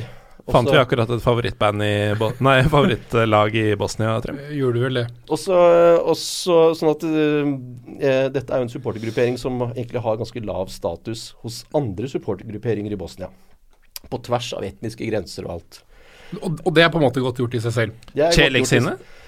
Celik sine, ja. For, for de leverer jo ganske bra shows, har jeg inntrykk av. Ja, men de har også opp gjennom historien alltid havna i, i slåsskamper med mer med andre supportergrupperinger. Og spesielt så har det gått utover Ikke gått utover, men de har spesielt tatt veldig mye agg retning Sarajevo. Eh, og også denne offisielle supportergrupperinga til det bosniske landslaget, BO Fanaticos. Eh, og det har sin sammenheng med at eh, eh, en av lederne i BH Fanaticos han kom opprinnelig fra Obiasi. Så hadde han vært litt langfingra med noen sånne midler og den slags. eh, og ble gjenstand for en ganske brutal intern justis og kasta ut. Eh, dro tilbake til uh, Zenica. Ble på ny leder i Robiasi, og så la de eh, BH Fanaticos eh, for hat. sånn at når da det bosniske landslaget sin skulle spille landskamper i Zenica, så opplevde man ofte at BH Fanaticos ble angrepet av Robiasi eh, i forbindelse med landskamper i byen. Ja. Um, og siden det er så kort vei mellom disse byene, så har Robiasi ved et par anledninger også tatt turen til eh, Sarajevo helt utenfor sesong og kamp og alt mulig rart, og funnet på mer eller mindre festlige ting som kanskje Kanarifansen også kunne vært. Men, men, Altså, altså u underslag i fanklubben Ja, det- ja, og, ok. motstand Ja. mot, og, og motstand mot landslaget høres jo faktisk ut som historien til Kanarifansen. Det høres ut som min tid i styret til Kanarifansen, faktisk. Mens, mens det jo egentlig da, så, men, men som det, det meste annet i, i Bosnia, så sånne problemer er jo et resultat av uh, Vi snakker jo om unge, frustrerte menn uten noen videre lyse fremtidsutsikter. Igjen min ikke, tid ikke, ulik, ikke, ikke ulik Lillestrøm igjen, hadde jeg sagt, men det er, jo, det er jo det som er liksom roten til det meste her. Mm. Nå, nå, nå er det egentlig sånn peak uh, Jugo-greie, fordi vi, vi skulle snakke om Kroatia. Men you can't have one without the other. Nå, Nei, det- nå har vi vært sånn forholdsvis dypt inne i Slovenia, Bosnia, Serbia og flere av dem ved flere anledninger. Men, men når vi da først vi hadde blitt enige om at vi ikke på en måte skulle prøve å unngå det, og så var det ikke til å, det var ikke til å unngå. Man havner liksom i de andre. Men, men, men for å dra det litt tilbake til det, til det sportslige, da, når vi snakker om, om de nasjonene her. Jeg føler jo spesielt Kroatia og Serbia, men, men også til de grader Slovenia, som har enda mindre innbyggere. Færre. Eh, nei, unnskyld, enda, enda færre innbyggere. Uh, Eller er et enda mindre land. uh, og har mindre diaspora også. Eh, disse landene overpresterer i idrett, ikke bare i fotball. Kan det være noe med også konkurransen dem imellom? Altså, Er, er det en drivkraft? Ja, definitivt. Ja. Definitivt. Uh, uh, at det kroatiske landslaget vinner interne oppgjør Nå skjer ikke det så ofte, men at de vinner interne oppgjør mot Serbia, det tror jeg nesten kan sidestilles med å spille en VM-finale. Eh, de møttes jo i kvalifisering for eh, Nå husker jeg ikke akkurat hvilket mesterskap det var sist, men det var jo ekstremt mye følelser involvert i disse to oppgjørene. Kroatene vant vel på hjemmebane, og så ble det uavgjort i Beograd, mener jeg å huske.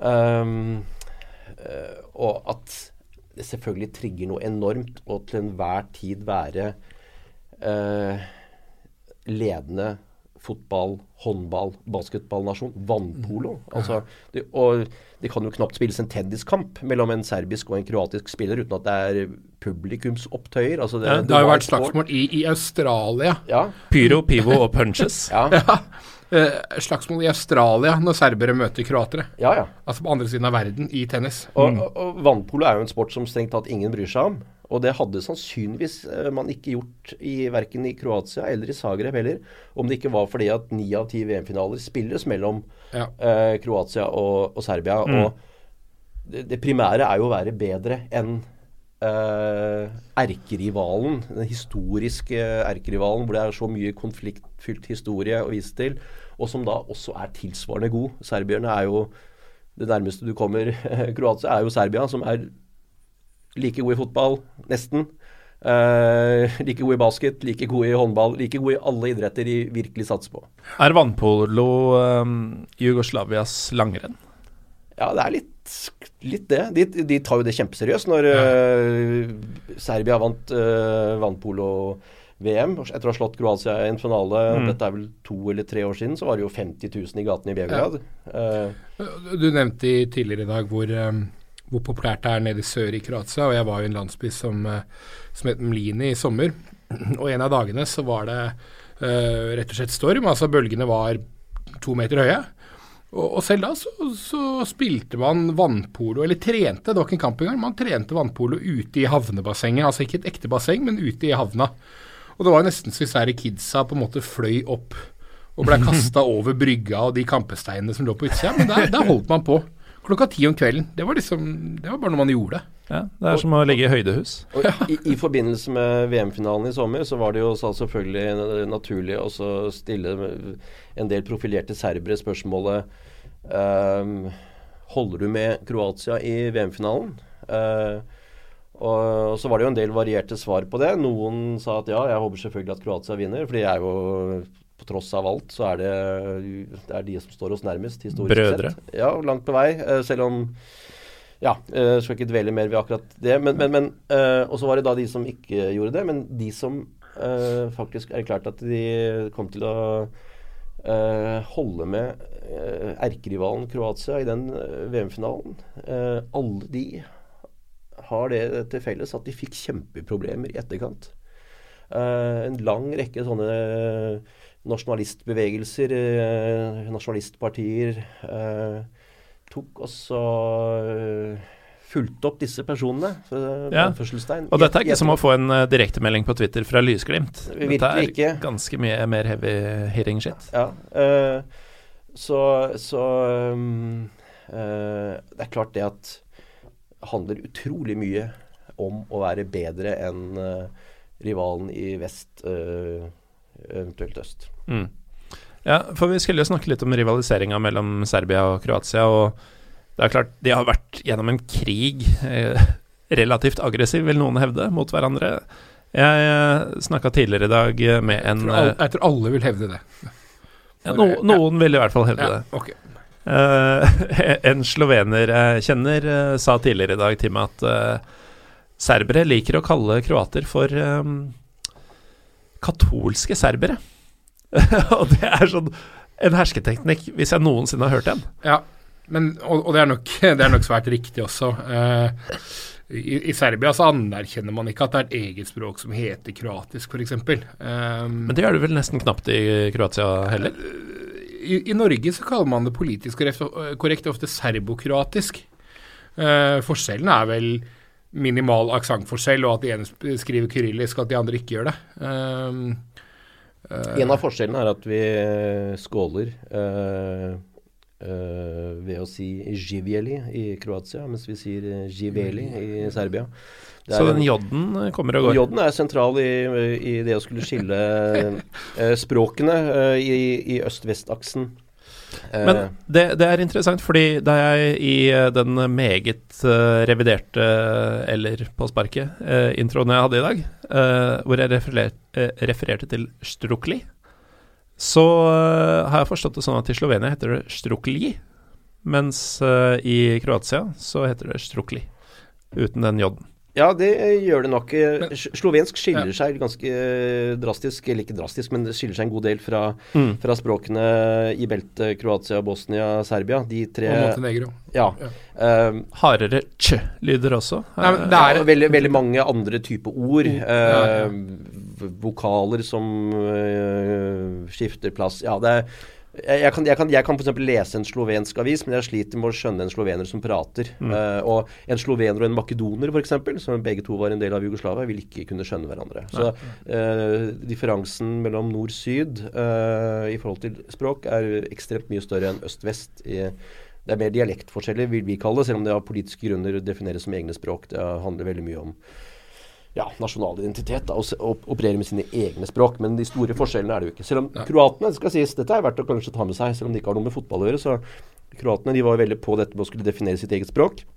Så de drev og konstruerte en lang rekke ord eh, like etter eh, like etter eh, selvstendigheten på 90-tallet. uh, og gikk vekk fra en del innarbeida begreper som de hadde brukt siden tidenes morgen. Og så kom de opp med ja, de erstatta vel en 400-500-600 ord med sine egne nye varianter som de prøvde å innarbeide, men som uh, folk etter hvert slutta å ta i bruk. Men hvis du reiser rundt i Kroatia, så vil du se at uh, uh, flyplass heter vel Zdrakoblav der, og, og i motsetning til aerodrom, og det var sånne ting som ikke Mm. som alltid har gjort. Det, det, altså uten sammenligning for øvrig, uh, dette er det Atatürk drev med etter uh, at det osmanske riket falt i oppløsning og, og den tyrkiske staten ble oppretta. Uh, Fjerna fryktelig mye sånn pan eh, Midtøsten-ord og erstatta det med egne tyrkiske. Du hører på fotballpodkasten Pyro og Pivo. Eh, men Runar, du har jo hatt eh, en finger med i spillet på dagens agenda, og du nevner en fyr som heter Vlado Casalo. Ja, Det var litt av en fyr. det var litt av en fyr. Er for så vidt. Han er jo fortsatt Han er jo, i ja, i aller høyeste grad. Nå Han jobber jo i det kroatiske fotballforbundet i eh, ungdoms, uh, ungdomsrekkene der, om jeg ikke tar helt feil. Uh, men han er jo en uh, fiffig karakter som uh, Han er vel egentlig mest kjent for Hjemme i Kroatia så er han kjent som en nasjonalhelt, for han kjempet eh, i den kroatiske regjeringshæren under krigen en periode. Eh, men han er kanskje mest kjent for sin tid i Nürnberg. Mm. Han reiste til Tyskland. eh, Ble mye sjølmål. det ble en del selvmål. eh, faktisk så tett eh, og så ofte at eh, noen begynte å eh, ane mistanke. Det skal sies at det egentlig er bare snakk om to kamper, men det var to veldig avgjørende kamper. Og det var to ekstremt klønete selvmål som ingen kunne klare å finne noen god forklaring på. Eh, Slags kroatisk Marius Amundsen. Eh, Litt, litt, litt der, ja. Eh, men der, der uh, Marius Amundsen rett og slett bare er, er kløne og ikke har kvalitetene som skal til, så kunne man forvente mer av uh, Vlad Casalo. Og definitivt så gjorde Oliver Køpke, som sto i mål for Nürnberg på den tiden, det. Uh, men Vlad Casalo avgjorde da to kamper på tampen av jeg tror det er 88-89-sesongen. Uh, og så kommer det jo etter hvert frem da, at han egentlig uh, Eller det har aldri blitt Han har vel aldri blitt dømt, det skal sies. Uh, men eh, bevisbyrden var vel ganske overveldende i forhold til at han slet med en enorm spillegjeld. Uh, og at eh, takken for Eller altså måten å komme seg ut av den spillegjelda på, det var også eh, eh, sørge for at Nürnberg tapte to kamper som dette spillsyndikatet som han skyldte penger til, kunne plassere penger på. Og tjene inn igjen det han skyldte. Uh, uh, så det, det det, var vel lenge uh, Vest-Europas forhold til kroatiske fotballspillere, for å si det sånn. Ja. Har det blitt nyansert en god del i etterkant av Robert Jarni gjorde mer enn han aner, kanskje, for eh, Ja. PR. Ja, eh, men Vlad Casalo, han var eh, Han, og så var det en annen rakker. Han skal sies han var bare dårlig. Uh, Nå er det Marius Amundsen. Ja, uh, han het Mladen Pralica, og han spilte var keeper i HSV, og han var uh, han, det, er- det er, han ble kåra til tidenes dårligste utlending i tysk fotball. Og selv da rykka det ikke ned. Nei, selv ikke da rykka de ned. Men han spilte Jeg skal ikke ta, ta tallene med en klype salt her, men eh, jeg husker bare Dette var til og med et eget innslag på Sportsrevyen eh, i 87 eh, om denne særdeles glepphendte Jugoslavien. som i snitt slapp inn fire eller fem mål i hver eneste kamp han spilte for HSV. Og dette var en god keeper i hjemlig fotball. Straks han kom til Tyskland, så gikk det ettertrykkelig ad undas. Han fikk tillit i altfor mange kamper gjorde det utrolig dårlig. Uh, og reiste etter én sesong tilbake til uh, jugoslavisk fotball. Uh, så Vlad Kasalo og Mladen hva, hva, kalte jeg han? Pralica. Uh, de to var på en måte personifiseringen på kroatisk fotball veldig lenge før bildet ble nyansert når vi kom til 90-tallet. Men når du sier inntrykk av jugoslaver, Runar vi, vi, må jo snakke litt om jugoslaver i norsk fotball også. Du har jo vært en pioner, eller du var ikke den første, men du har vært veldig involvert i import av uh, eks-jugoslaviske spillere i Norge, siden du jobber i en klubb de siste årene. Um, skal, skal, vi prøve å felle en dom, uh, Trym? Du er jo veldig opptatt av norsk fotball generelt. Uh, Eks-jugoslaver, jugoslaver i norsk fotball, hva, hva, tenker du når jeg sier de ordene? Nei, jeg, jeg tenker at Eh, umiddelbart så tenker jeg jo mye sportssuksess, egentlig. Mange spillere som har hatt såpass komplementære ferdigheter til typisk norsk register at det har passa jævlig, jævlig bra. Mm. Uh, det er klart, for, for meg som, som uh, Lillestrøm Det er vanskelig å ikke si at Robert Corén er suveren. Altså, jo, men, ja, men han er en Robert Corén er en av de én største utlendingene som noensinne har spilt, i Eliteserien. Mm. Altså, han var så sinnssykt bra. Um, Eh, så det er klart, han, han er jo kjempehøyt oppe, men, men, du har jo veldig mange andre også. Du har jo uh, Bojan Sajic, Vålerenga og, og på å si halvparten av de andre klubbene i norsk fotball uh, der han har spilt. Det, det har jo vært uh, Nei, stort sett så har det vært stor, stor suksess. U, det har gått et skille, føler jeg. Um, der hvor spillere fra eks-Jugoslavia stort sett har lykkes veldig, veldig godt så har det stoppa veldig brått i det øyeblikket man har begynt å røre seg inn i, i, i Slovakia f.eks. For, eksempel. for der har det vært mye feil i, i, norsk fotball. Men det er rart å se hvordan Det har vært mye feil fra Lillestrøm. Rosenborg ja, traff bra med Zappara. Ja, jo, men det var en dyr, stor investering. Mm. Eh, så det Det, det, var, var, det var, Martin Hurs her også. Ja. Og vi traff fantastisk bra på Filip Kish. Ja, Filip Kish var jo, er jo Slovakia. Nydelig. Selvfølgelig. Er han nede i Midtøsten nå, eller? Spiller i Saudi-Arabia. Ja, det er jo også herlig, holdt på å si østeuropeisk.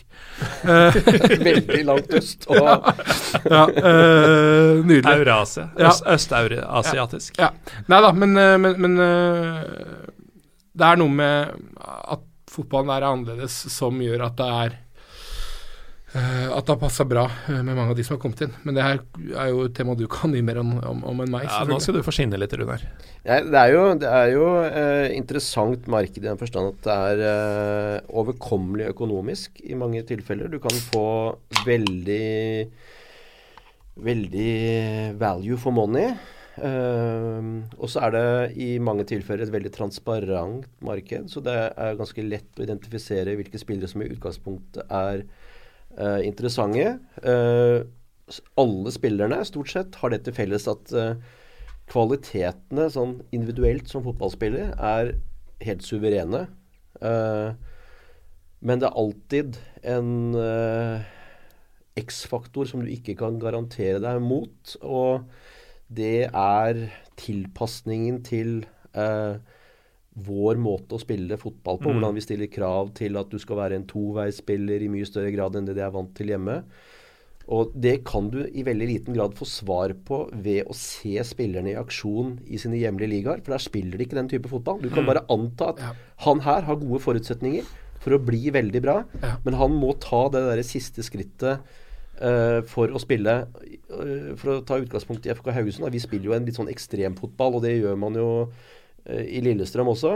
Eh, og det å ta steget fra eh, den ballkulturen de kommer fra, og til f.eks. det derre kompromissløse kravet til toveisjobbing i FK Haugesund f.eks., hvor du må i praksis så må du løpe i 90 minutter.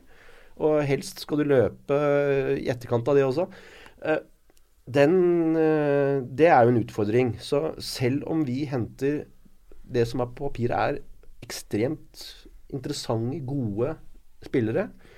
Uh, og, sånn sett ikke kan sies å være dårlige kjøp. fordi det er veldig bra å få det til Norge. Så kan du aldri vite med sikkerhet om de klarer den der transformasjonen til å passe inn i hjemlig fotball. Det er noen norske lag som kanskje har lettere for å tilpasse det, fordi de spiller en fotball som ligger tettere opp til den fotballen disse spillerne er vant til hjemmefra. hjemlig fra. Rosenborg har jo hentet uh, Jordi Drenic. Jostein Grindhaug uh, var i Serbia for tre eller fire år siden. Så en kamp med Rad Beograd. Da var Jordi Drenic veldig ung.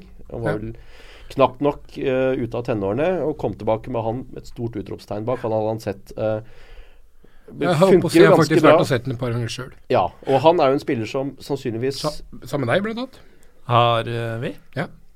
Vil lett kunne Eller altså, han, han har jo gått inn i dette Rosenborg-laget og begynt å spille egentlig fra mer eller mindre fra dag én av. Jeg tror kanskje veien ville vært enda lenger hos oss, f.eks. Og kanskje Lillestrøm, som da de bruker jo ikke midtbanespillere, så de, de måker jo bare ballen over, uh, midtbanespillerne sine. Så. Eller ut. ut eller ut, helst. Ja. Men, men, men, det er ikke så mange som husker dette, kanskje. I hvert fall ikke som, som ikke holder med Lillestrøm. Men uh, Arne Erlandsen plasserte jo Robert Koren på høyrekant i 4-4-2 uh, den første tida ja, han, han, var i klubben. Han så ut som dritt. Altså, han herja i treningskampene. Ja.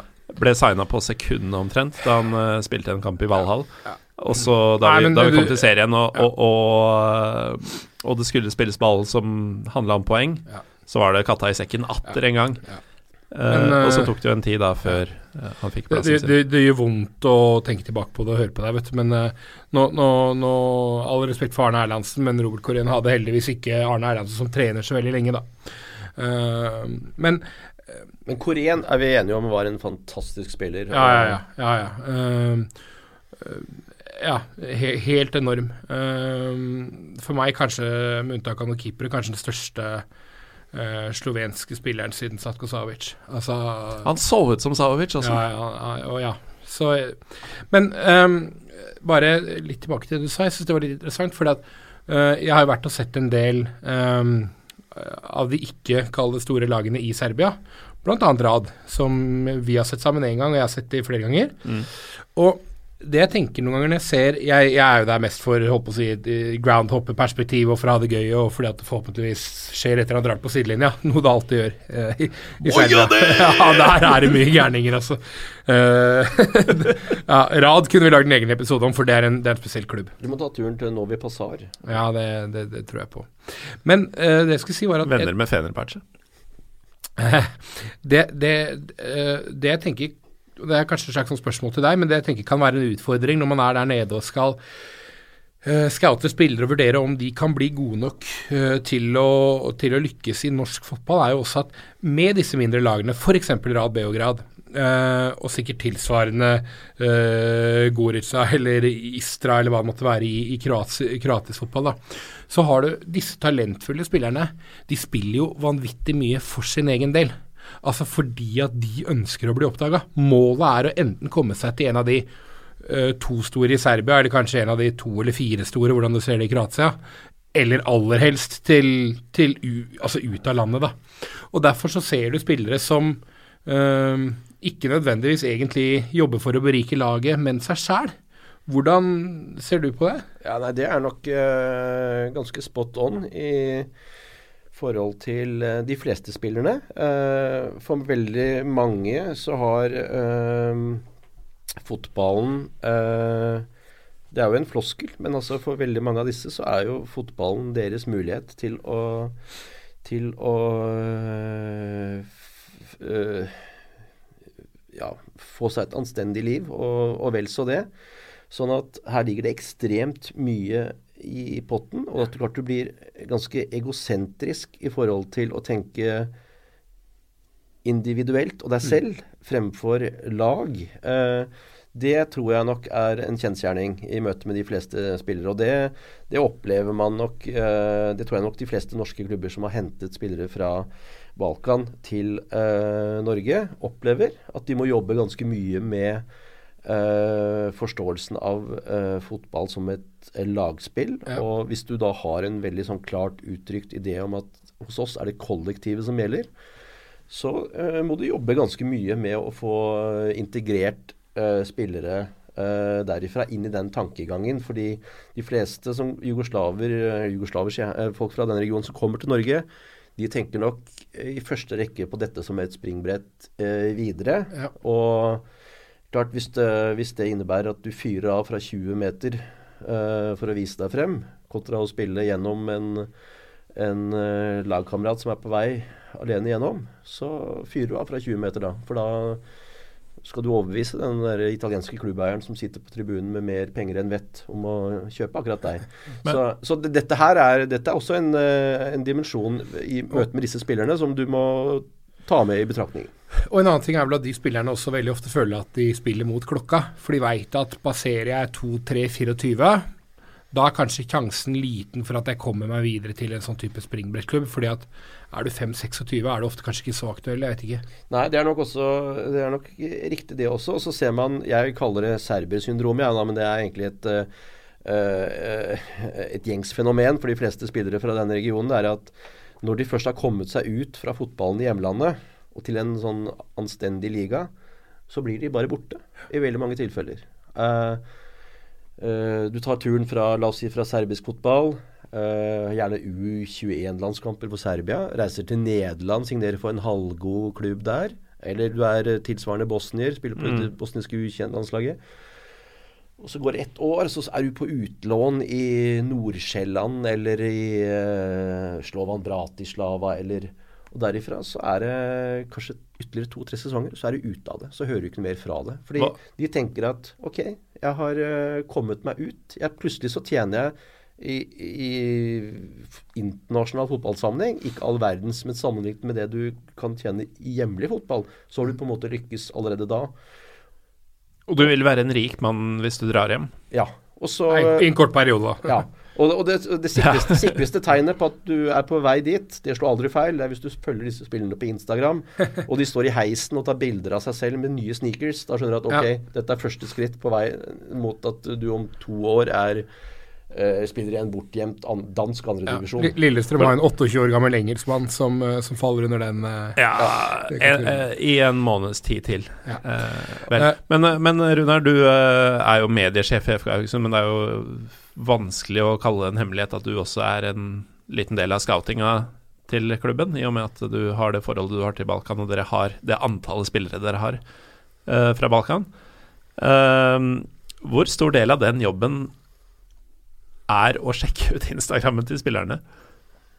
Ja, ikke så veldig mye. Det handler mer om Jeg, jeg, følger, jeg følger utrolig mange spillere, og jeg følger utrolig Kanskje først og fremst klubber da, på, på Instagram. Men det er mer for å få litt inspirasjon i forhold til hvordan gjør de det på disse mediene? Hvordan fremstår de? Uh, og så følger jeg noen utvalgte spillere uh, som er interessante. Eh, nettopp av den grunn. Fordi du kan få et lite inntrykk av hvordan er personen. Altså hva slags eh, hva slags fremtoning har du på Instagram? Er du en selvsentrert egoist som dyrker deg selv, og som du skjønner at ok, her henter vi et problembarn hvis vi skulle få han til klubben?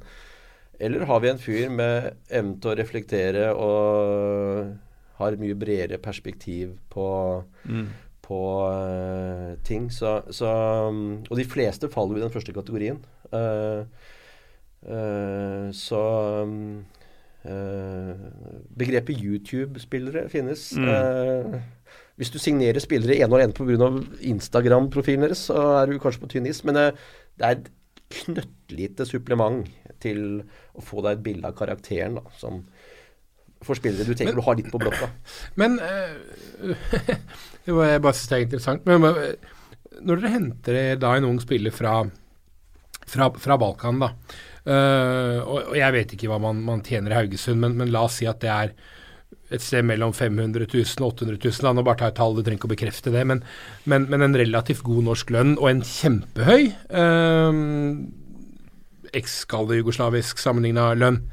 Snakker dere med gutta om uh, I Norge er faktisk levekostnadene såpass høye, og det ene og det andre. Her må du være smart, eller håper dere at spilleren på en måte ikke kødder det til? Er dere livredde når spilleren drar hjem på første weekendtur til holdt på å si Beograd eller Zagreb, eller Hvordan er det der? Hvordan, altså, hvordan får man spilleren til å forstå En ting er å forstå spillestilen og det greiene der, sånn, men også noe av det ansvaret utenfor. Nei, vi har uh... Ble det for fotballfaglig spørsmål for Pyro og Pivo, Morten? Jeg kan bare klippe det bort. Ja, flott. Nei, jeg bare synes det er interessant. Ja, Hvordan nei, tilpasser uh, man en fyr? Det er et godt spørsmål. Uh, du, kan, du, kan, du kan på en måte si mye om spillerne fra denne regionen, uh, og du kan kritisere de for mye, men de har alle det til felles at de også er ekstremt profesjonelle. Og de er ambisiøse på egne vegne. Og jeg kan vel ikke Nå vil jeg aldri nevnt navn uansett, men jeg kan faktisk ikke med hånda på hjertet ikke si at vi har hatt noen spillere i FK Haugesund hvor det har vært noe tema, hvor det har vært en bekymring i, så måte.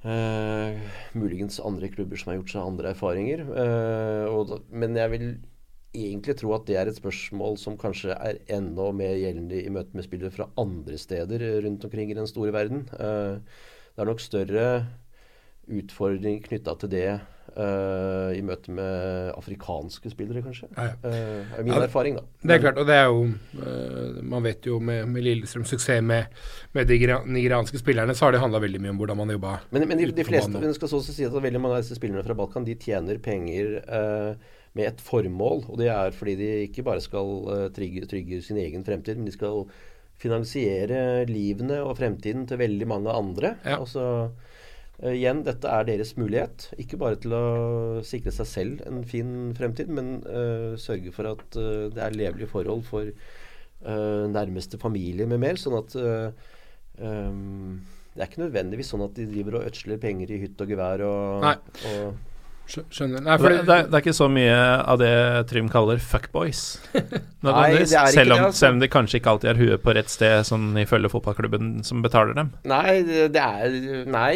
Uh, jeg, det er vanskelig å svare veldig kategorisk på det, men jeg, jeg, kan ikke egentlig komme på et eneste eksempel. Uh, for vårt vedkommende, i hvert fall. Men er, er, det en fordel der å, å, å være i Haugesund? Altså hvis du på en måte lager et ordentlig helvete i lille Haugesund, så blir det jo oppdaga Da vil jo du og resten av gjengen i klubben vite om det innen innen relativt kort tid, vil jeg tro. Jeg husker jo da den, eh, den australske invasjonen av norsk fotball for nesten 20 år siden, eh, eller 15 år siden, da med Clayton Sane og Casey Wehrman og Shane Stefanutto og Steve, Steven Laybut osv. Altså, de var jo stadig vekk Hvem var han fjerde der? Laybut, som spilte i Lyn. Uh, han spilte ikke så mye. Men uh, det, var, det, var, egentlig bare for å slenge ut australsk navn. Uh, men, men, de var jo stadig vekk ikke sant, ute og lagde helvete i Oslo. Men det var kanskje ikke like gjennomsiktig som det er i en liten by som Haugesund? da. Ja, nei, I Haugesund så er det vel begrensa til en uh, liten allé på 100 meter nede ved kaia, hvor du kan gå ut og være bajas hvis du først har lyst til å være det. Så så i Haugesund kan du nesten ikke foreta deg noe som helst uten at uh, trenere, støtteapparat, klubbledelse, lagkamerater vet uh, før du selv har uh, rukket å gjøre noe, egentlig. Så, mm. så, um, det er nok ikke i byen hvor du Byen du reiser til med tanke på å opptre i det skjulte. Det, det, det skal godt gjøres. Så Når det gjelder jugoslaver i norsk fotball, så lander vi på at eh, Robert Corén er suveren. Uh, og det er jo helt åpenbart uh, William Onka produserende også. Uh, og i det hele tatt god idé for norske klubber å hente spillere fra Og så må vi ta med Nikola Djordic. Ja, ja, visst må vi det òg. Nikola Djordic, og det, og det, handler mer om hva han egentlig var som spiller. Altså Karrieren hans staler for seg selv. drev det videre til Tyskland og har fått en ny vår i Hammarby nå. Skårer mye mål og er, det er gøy. Eh, veldig poppis i Sverige. For det gikk jo ikke så bra da han var innom Partisan. Nei, han har slitt. Jeg var veldig glad, for jeg er glad i Partisan. Han har jeg hadde håpet at han skulle ja, han, Tysklandskarrieren hans endte vel heller ikke all verdens med noe opphold i Düsseldorf og litt sånne ting. Og Randers var en uh, tung periode, tror jeg. Uh, men nå har han kommet uh, til, til et sted hvor han plutselig har begynt å blomstre igjen. Men den viktigste faktoren, kanskje, eh, i forhold til Nikola Djordic. Han kom til Norge, eller ikke til Norge, men han kom til Haugesund med en mentalitet som ingen andre spillere -huh. hadde hatt tidligere. Om at i Haugesund Han kom dit for å vinne ting. Og det, eh, det var liksom opplest og vedtatt at uh, så lenge Haugesund var med i topp, norsk toppfotball, så var de på en måte fornøyd med det å møte Rosenborg hvert år. Det var en, i seg selv et suksesskriterium, på en måte. Men han ville vinne ting, og han klarte å innprente det både i, i trenere, støtteapparat, klubbledelse, alt. Mm. Så han har vært utrolig sentral i forhold til å bygge en kultur som gjør at FK Haugesund eh, Per dags dato er det topplag i Norge? Ja, og hvis du ser det i et historisk perspektiv etter at Nikola Djordic kom til klubben, så er vi vel eh, landets femte beste klubb, tror jeg, som målt i resultater. Og eh, den mentaliteten han brakte til Norge, den skal du virkelig Den, den, den kan ikke overvurderes, altså. Den, men, men, der er vi jo tilbake på det med komplementære ting, ikke sant. Den norske mentaliteten er jo altså En av de historisk største klubbene i norsk fotball er jo bare innmari stolte og fornøyde at de har vært med i noen og 40 år. Jeg skal ikke nevne navnet på laget, men de, de Nei, det, er stas at, det er stas at vi ikke har rykka ned. Det, det, er en greie i seg sjæl, da. det, det, er en så stor greie at samme klubben prøver å rykke ja, ned hvert. Ja, de prøver, prøver å motarbeide. for å skryte ja, da, det er noe selvdestruktivt over det også. Men, men, men, men, jeg husker da jeg kom til, til USA og jobba med, med, med, barnefotball der, sånn, og så skjønte jeg ganske fort at det er ikke noe uttrykk der som dette med at det viktigste er ikke å vinne, men å delta, som på en måte er Norges nasjonalmottofølelse nasjonalmotto, føles som noen ganger. Og den, den, ligger ikke der på i, i, Balkan heller. Det handler om å vinne for enhver pris, gjør det ikke? Og, og, det å få inn sånne spillere i en gruppe der hvor ca. alle norske spillere er laid back, for det er de selvfølgelig ikke. Men det er kanskje ikke den killerinstinktet når du kommer fra en familie som hadde en bolig på 250 kvadrat og, og hadde to biler og du spiste på en måte varmmat og dessert hver eneste dag. Man har kanskje ikke den samme sulten da, som noen av de spillerne kommer inn med. Bokstavelig talt? Ja, bokstavelig og billedlig talt, ja. Ja, nei, men Det er helt sant. De kommer inn med noen vinnerskaller som ja. uh, det går lang tid mellom hver gang man fostrer i, i norsk fotball. Men uh, norske spillere er flinke til å uh, absorbere tankegodset fra omgivelsene sine. Og, og så er det er det, er det, en gjensidig hva skal jeg si for noe, en gjensidig overføringsverdi her? Eh, spillere fra den regionen som kommer til Norge, vil jo sannsynligvis også si at de har lært ekstremt mye av uh, det å være i norsk fotball. Nikolaj Djordic trekker jo frem uh, disse årene i Haugesund, og spesielt da Hornlands fokus på han som en toveisspiller og sånne ting, som han aldri ofra en tanke så lenge han spilte hjemme i Serbia. Og hadde det ikke vært for det, så hadde han jo aldri fått den karrieren han siden Nei. fikk. Uh, det samme gjelder stort sett alle andre spillere som har kommet, uh, både til Haugesund og til andre klubber, at de, de, de henter De spillerne som lykkes, da, de, de, evner å ta til seg det beste fra vår type fotball og vår filosofi. og så klarer de å, å overføre og innprente vinnerkultur. Slik de er oppfostra med. Hvis du reiser til Bosnia og ser 13-årslag eh, ha en vanlig treningsøkt, så er det jo en bikkjegård. Altså, det er jo så mye kjefting og smelling. og og da er du litt tilbake til det, det er meg. Altså, ja. Det meste handler om meg, på en ja. måte. Mm. Uh, men, uh, men, men, tror, men, tror, du norske spillere kunne ha lykkes i uh, eks-jugoslaviske ligaer? Nei, jeg tror egentlig ikke det. Uh, for å være helt ærlig så tror jeg ikke det. Det skal sies, altså, eller, Ingenting er hugget. Uh, det er ikke det, Vi kan ikke kategorisk si verken ja eller nei. Men uh, i FK Haugesund hadde vi jo en danske, Søren Christensen, som dro til Slaven Blupo, faktisk. Mm. og han lyktes jo egentlig ganske bra. Han var der i halvannet år og gjorde tingene sine ganske bra. Og likte seg veldig godt, fordi han levde i en stille, rolig, liten kroatisk by. Uh, og fikk litt bedre tid med ballen og sånn enn det han fikk i Norge. Så han gjorde det mye bedre i kroatisk fotball enn han gjorde i norsk fotball. Uh, men i utgangspunktet kroat, Kroatisk fotball, kanskje. Kanskje man skulle, Der kan man kanskje klare seg uh, brukbart, men å reise til fordi den er mer taktisk oppegående, eller hva er Ja, og så har det litt med tempo, og så har det litt med gemytt. Altså mm. Um, Litt mer sentraleuropeisk enn resten av Balkan? Ja, du er nok mye mer på hjemmebane der. Uh, i de stort sett Det er vel ingen, det er vel ingen kroatiske klubber du kan si skiller seg veldig sånn merkbart ut fra fra uh, det jeg kaller strukturert, ordna forhold og den slags. da. Uh, mm. mens klart, hvis du reiser Du har jo ganske mange svensker som for har tatt, tatt turen. eller svensk-bosniere, ja. født og oppvokst i Sverige, reiser til Bosnia. Ja. Prøver å spille en sesong i en eh, bosnisk klubb, for det er liksom de har et veldig romantisk forhold til akkurat det.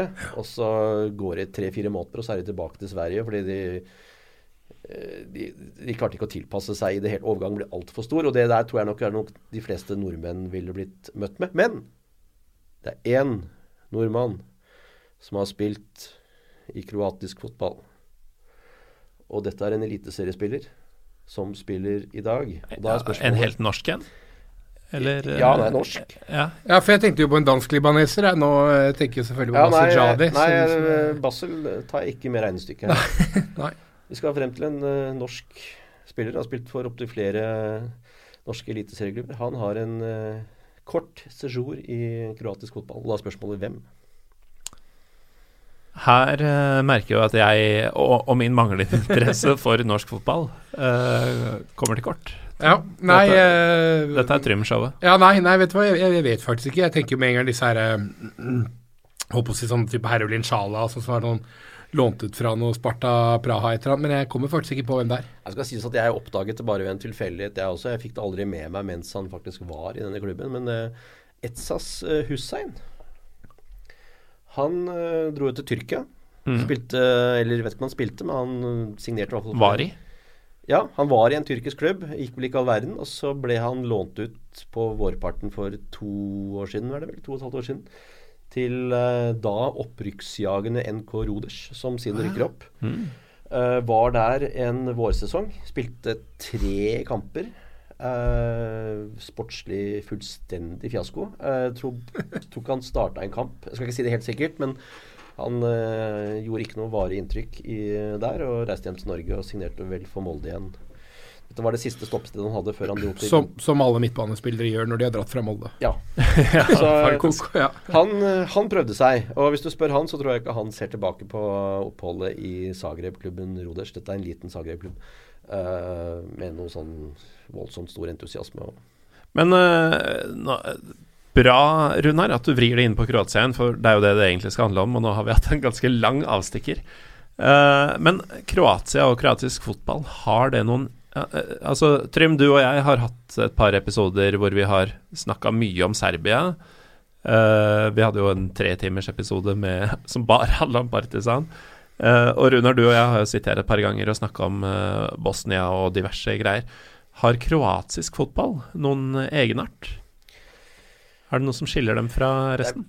Det er, det er, det er ikke én veldig bestemt ting Uh, du kan si at dette er liksom det som skiller kroatisk fotball fra fotballen i nabolandet. Det er vel summen av flere ting. Uh, flere, interessante aspekter ved kroatisk klubbfotball. Hvis du ser på den kroatiske toppserien, så har de mer eller mindre sammenhengende siden de startet opp i 92-93 med de første spede forsøkene på en hjemlig serie Eh, skiftet format og um, ja, konsept, egentlig, på hele serien sin. Eh, et, hvert andre, tredje år. De sliter veldig med å finne fasongen på, på hvordan de organiserer toppserien sin. De har, skille, har vel variert alt fra 10 til 18 lag. Det har vært sluttspill, det har vært uh, triplekamper, det har vært uh, kvadruplekamper, det har vært Uh, ja, så, så um, de sliter veldig med å få satt et serieformat som er det riktige for kroatisk fotball. Det, det er jo et interessant aspekt. Um, og nå har de stort sett vært innom alle tenkelige modeller som finnes. og de har bare ikke hyrt inn nederlendere for å si at dere skal spille playoff? Nei. Og må ha dragelogo på landslagsdrakta. uh, Og så, Fjern sjakkbrettet. Og så nevnte du at de har lave tilskuertall. Det stemmer jo for så vidt. Men likevel, hvis du ser på dette i et uh, Hvis du ser på snittet av kroatisk toppfotball, så ca. 3000, tror jeg, ja, uh, foregående sesong. Og det er, ja, og det er uh, Syltynt? Det er, det, er, det er, syltynt, men det er likevel den best besøkte ligaen i regionen. Mm. Uh, fordi Serbia snitter vel ca. 2000, i hvert fall på i hvert fall foregående sesong hvor Partisan gjorde det så dårlig. Partisan dro vel 3000 i snitt eller noe sånt. Ja, 3,5 tror jeg. Men, og det er jo øh, Og ikke minst så har jo Serbia har jo dobbelt så høy befolkning òg, nesten. Ja, ikke dobbelt så høy, men, men, men vesentlig høyere. Ja.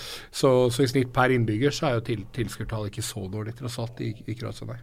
Også kroatisk fotball, de øh, er vel den eneste eneste seriesystem De har vel det eneste seriesystemet nå i, i Kroatia hvor hvor eh, de har andre lag på nivå to. Uh, Hajduk Split 2 spiller på nivå to. Uh, Osijek 2 spiller vel også i andredivisjon. Inne på Zagreb selvfølgelig, gjør selvfølgelig det. Uh, en modell som ingen andre uh, Nei, ja, Spania hadde vel den varianten tidligere. Ja. Uh, og Norge har jo den, ikke nivå to, men, men, men, det er en svært utskjelt modell i Norge. Jeg vet ikke hvordan ja, det er i og Det er jo å tenke liksom helt utafor boksen der nede. Ja. Men de kjører den. Og så Uh, ja, hva har de ellers? Uh, det blir vel mer subjektiv synsing, kanskje, men jeg tenker at kroatisk fotball kanskje har flere potensielle eller lag som kan markere seg, hevde seg i Europa enn noen annen serie i regionen. selv med et Hajduk Split som sliter. Så har både Osijek, Rijeka og ikke da minst Dinamo Zagreb uh, Rijeka har f.eks. spilt Europaliga tre av fire år nå i nyere tid. Uh, Osijek er et lag som har alle forutsetninger for å, for å uh, nå et gruppespill i Europaligaen. Dette, det her, dette her ser du definitivt ikke i Bosnia. De får jo ikke et lag gjennom kvalifiseringsrunden engang. Og mens i Serbia så kan du i beste fall håpe at uh, Partisan og Servena, Svesta eller Røde Stjerne eh, hevder seg ute i Europa. Uh, alt i form av en enkeltkamp. Så eh, Ja, og der, og der, er det helt utenkelig at noen av de andre skulle vært, vært med. Ja. ja. ja. Det, ja, hvem skulle det vært? Så det, det, er liksom summen av sånne ting som er med på å skille kroatisk fotball. Også det at alt, Men, alt er kanskje hakket mer strukturert og ordna, selv om det fortsatt er det er utrolig mye rart når jeg sier at Kroatia, og diverse. Ja, men når jeg sier at Kroatia når en VM-finale på tross av veldig mye rart, så er det, det er på tross av infrastrukturen. Det er på tross av uh, organiseringen. Det er på tross av veldig mange faktorer. Uh, men de er likevel lenger framme enn uh, sine jugoslaviske artsfrender? Ja, ja, det må det være lov til å si. Og jeg tenker at potensialet sånn sett for utviklingen av kroatisk klubbfotball er en god del større kanskje enn i nabolandene. Mm. Samtidig så, så har jo de på en måte eh, Vi har jo nevnt at de er jo kommet mye lenger. Så potensialet dersom de andre skulle få ting på stell, er jo også ganske høyt. Det er jo et, eh, et folk eh, rundt i området her som rett og slett er flinke til å sparke når de først setter i, settes i system. Mm. Ja, det var Jo da. Ja. Nikkes anerkjennende i studio. Ja, det, det, det, gjøres alltid veldig bra på radio å nikke mm. Men uh, vi, vi, nærmer oss uh, slutten, uh, gutter. Vi har bare holdt på litt over to timer. Det er nesten ny kortrekord for Trym Hogner. tidvis, tidvis så penslet vi innom fotball òg. Det var jo ja. hyggelig. Ja, men igjen, det, det, er mulig det klippes ut.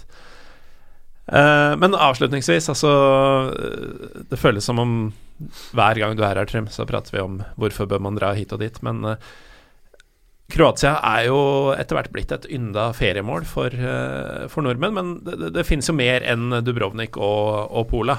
Ja, altså Kroatia har jo ikke etter hvert blitt et ynda feriemål igjen.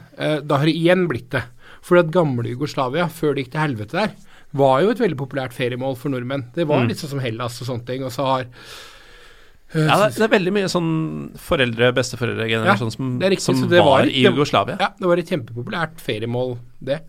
Um, men ja, nå har, det jo nå har det virkelig tatt seg opp igjen. Jeg tror Norwegian flyr ned 17 ganger om dagen eller sånt, og til disse ulike kystbyene der. sånn, ja, Men, men uh, jeg har jo reist litt rundt uh, i regionen, men jeg har reist lite i Kroatia. Uh, bortsett fra kysten.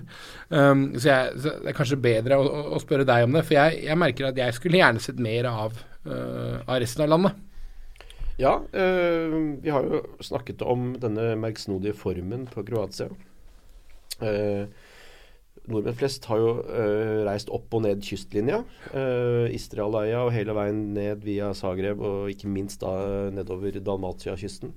Uh, men uh, det et, går et ganske markant skille, vil jeg påstå, uh, fra uh, kystlinja. Og du skal ikke reise så veldig langt innover i landet for å komme til en del av Kroatia som har egentlig veldig lite til felles med, med det Kroatia som nordmenn flest blir introdusert for da, i disse badebyene langs kysten. dette er veldig sånn rurale, landlige områder. Enkle kår. Uh, veldig Det er lett å forestille seg at her har tiden stått i veldig stor grad stille siden Jugoslavia og 70-tallet. Uh, I matveien ser det helt annerledes ut. Uh, folkene Det blir herlig å si at folkene er annerledes, for det er, det er, det jo ikke. Men det, er- det, du, du opplever en helt annen del av Kroatia enn det nordmenn flest gjør ved å reise på disse tradisjonelle badeferiene sine.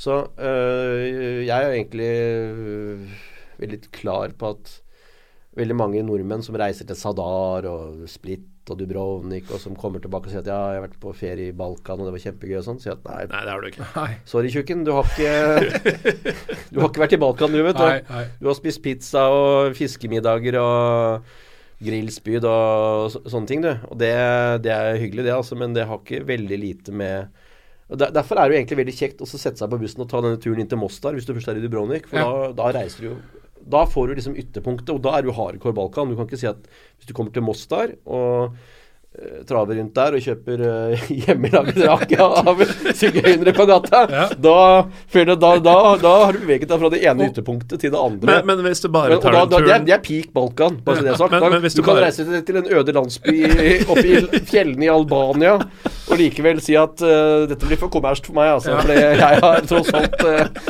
Men, men, men, Men, men men da, da får du jo Mozart til å høres ut som sånn helvetes portal. Nei, og, nei, nei. Og, og, og jeg, da, da, da, jeg, da jeg fløy til uh, Sarajevo den gangen jeg var i Bosnia, så var det jo sånn at eh, kapteinen på Dette var riktignok i fellesferien, men uh, kapteinen på Norwegian-flyet da vi landa, var at for dere som skal videre til Mostar Så det, det er jo helt åpenbart at det er et sted som man drar. Og jeg dro dit selv og uh, syntes det var strålende, men det er klart, det å være i Mostar er noe helt annet enn å være i Mostar og kjøpe hjemmelaga rake av Ja, men, men- den første sigøyneren du ser på gata. Ja, eh, men, men, men, men bare for å Holdt på å si nå eh, For at ikke eh, et godt et godt tips for å reise til Kroatia er å reise til Bosnia, men det er jo det er på en måte litt sant. Men det som er faktisk overraskende i regionen Vi har snakka mye om konflikt og sånt innledningsvis her, og det har vi sikkert vært mye inn på i tidligere episoder Sannsynligvis. På Balkan-tema, men det er faktisk overraskende enkelt å passere ulike grenseoverganger rundt omkring i eks-Jugoslavia. Da snakker jeg ikke bare Bosnia og Kroatia, da snakker jeg øh, øh, altså fra Kosovo f.eks. Og, og ut derfra og i det hele tatt. Så øh, Slovenia-Kroatia tok jeg i ja, feil. men de to er bestevenner, da, så Ja, det- Men, ja, men- slovenere kaller kroatere for landtjuver. Ja, det er mulig, men de er bestevenner. Ehm, men, men, men, men det, det jeg vil si der, er at øh, nesten uansett hvor du er eh, på, på Balkan på en ferie, så prøv gjerne å reise litt rundt. Altså Ikke hold deg på et og samme sted hele tiden. Og det er jo som du nevner også, at hvis man er på en sånn badeferie, så sett av en dag eller to, da.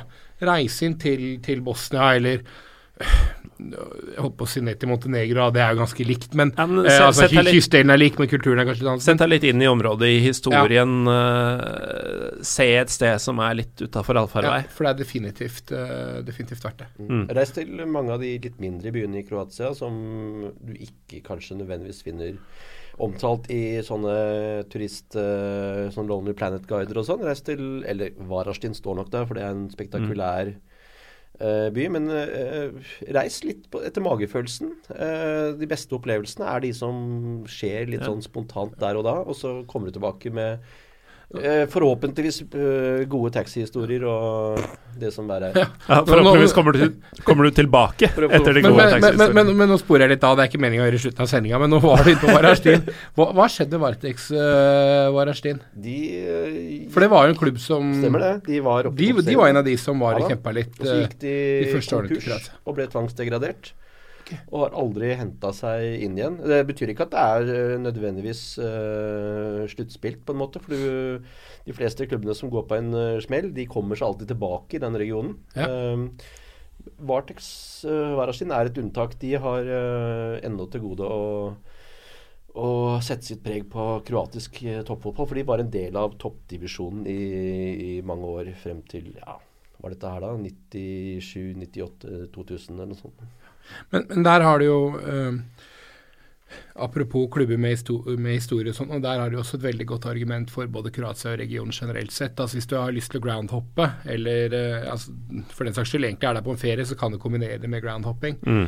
For det er så mange eh, små, fete klubber rundt omkring, og avstandene er ofte ikke så store. Så Mye det- særpreg Ja. fra sted til det sted. er Et av de stedene jeg har mest lyst til å dra til, er jo uh, jeg vet ikke hvordan det uttales, men Gospin Dolac, eh, som, som har kanskje verdens vakreste stadion. uh, som ligger i Kroatia. Så um, det er jo definitivt en, en, kul måte å kombinere en ferie med, med, med, fotball på. For det trenger ikke å være å reise til Kroatia eller Serbia eller Bosnia eller hva det måtte være for å se den beste fotballen. Det henger jo ikke egentlig helt på greip.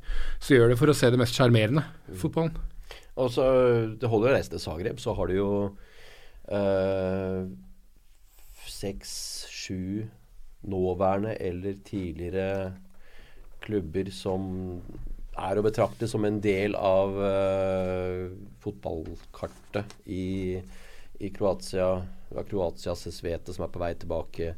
Interesa Presic rett utenfor byen. Du har NK Zagreb som er på nede på nivå tre, men som har blitt en av få klubber som har blitt seriemestere siden selvstendigheten. Du har mange klubber i, mm. uh, akkurat i og rundt Zagreb som Uh, som for en groundhopper ville det vært kjempeinteressant å besøke. Det er ikke de store fotballopplevelsene hvis du er på jakt etter kvalitet, men hvis du er på jakt etter en uh, Hvis du er på jakt etter det groundhoppere er på jakt etter utover akkurat det å kunne ja. være hake av en bane, så får du det i ganske stor skala akkurat i området rundt uh, Zagreb der. Og for en som har vært i Zagreb én gang og da så Dinamo på hjemmebane mot uh, Haiduk, skuffende derby.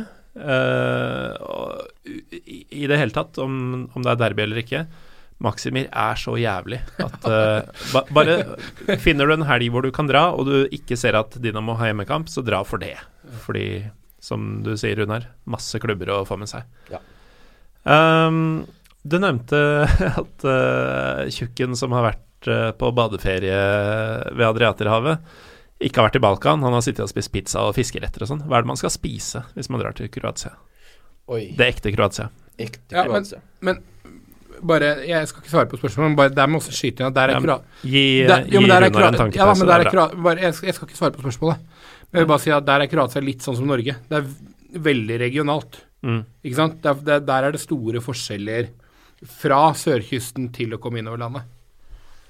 Men det beste, beste sånn kulinariske tipset jeg kan gjøre, det er litt dette, tilbake til dette med å reise på måfå etter magefølelse. Reise til små byer som du ikke nødvendigvis finner i sånne Lonely Planet-guider. Og så reiser du på eh, I stedet for å reise på kafé eh, og restaurant, hvis det liksom er noen skilt som da tilsier at her ligger det en restaurant, se etter steder hvor det står 'taverna'. Mm. Fordi henter De har på en måte ikke noe ordentlig meny uh, i den forstand. De har det de har inne for dagen, og så ja. bare lager de det. Henter de først, uh, ja. ja. Så bare sender de det ut, det de har. Uh, det uh, slår aldri feil, sånn rent kulinarisk. Og så kommer det mye hjemmelaget godsaker av kanskje ikke akkurat samme kaliber som det vi har drukket i kveld. Nei, for den har vært voldsom. Ja, den har vært og den er for øvrig nå tom, den halvliteren du hadde med deg. Den er tom, men Uh, det er mitt tips, faktisk. Uh, ja. Reis opp til sånne små fjellandsbyer med 200 innbyggere. Sett deg på en taverna, og så sier du Si at du er sulten. Ja. Uh, surprise me, sier du også. ja. men, men, men, grunnen til at jeg ble skyte inn, det var egentlig bare også for at selv om vi nå snakker om at kysten liksom, at det blir for kommersielt og det ene og andre, så skal man ikke ta vekk at det også er et helt fantastisk Nei, sted å være. Og der er det vanvittig mye god sjømat. Så det er ikke sånn at bare fordi det ikke er eh, holdt på å si børek eller hva det måtte være, så er det feil. fordi det, det, det, er, det, er, kjempebra på kysten, det. Men, men, bare en liten digresjon der sånn. Eh, da vi var i, eh, jeg og min kjære frue, var i uh, Dubrovnik, eller vi var ikke Dubrovnik, men Dubrovnik Rivieraen, som det så fint kalles, litt, litt, litt, litt sør for Dubrovnik. Så hadde vi en fantastisk hyggelig vert. Vi leide en fin et fint hus uh, sånn, via Airbnb. Han ville gjerne kjøre oss rundt i Dubrovnik og vise oss hva som var bra og sånne ting første dagen. Og Det var kjempehyggelig, og det er jo typisk Balkan. De er jo ekstremt gjestmilde. Uh, en god grunn til å reise i seg selv. Men jeg bare syns det var litt sånn artig, for at han, han ville da gjerne prate om litt gode restauranter og sånt nå, og så hadde han vært Uh, vi hadde hatt en samtale tidligere om at vi gjerne ville inn til Bosnia. og Det, det, det synes han på en måte, han skjønte det, og det var, det var, det var greit nok. Men det virka som det lå et eller annet der allikevel. Og så kjører vi forbi en bosnisk restaurant. Og da sier han at de, første, de, de forrige han hadde hatt på, uh, som hadde leid dette huset hans, de hadde, de hadde spist der, og det var det, det var det dummeste han hadde vært borti. Fordi hvorfor i all verden kommer noen til Kroatia, så skal de spise utenlandsk mat? Det kunne han ikke skjønne. og så kjører vi så kjører vi, jeg tuller ikke, maks to minutter til før han peker til venstre og sier han, her, her er det en fantastisk sørkoreansk restaurant. Den anbefaler jeg.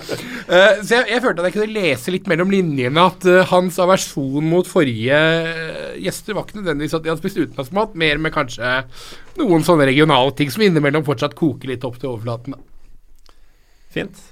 Da er Perfekt uh, ting å gi seg på, egentlig. Ja, men uh, Nei, ikke det. Jo, nei, fordi jeg kom på det e- egentlig. Jeg, jeg eh, alltid når jeg er her, så liker jeg å prate VM 98. Uh, og Ja, uansett hva vi snakker om. Ja, uh, men eh, det som var med VM 98, jeg skal være veldig kjapp nå, det var at Georgi Haji hadde gult hår, jeg Ja. veit det.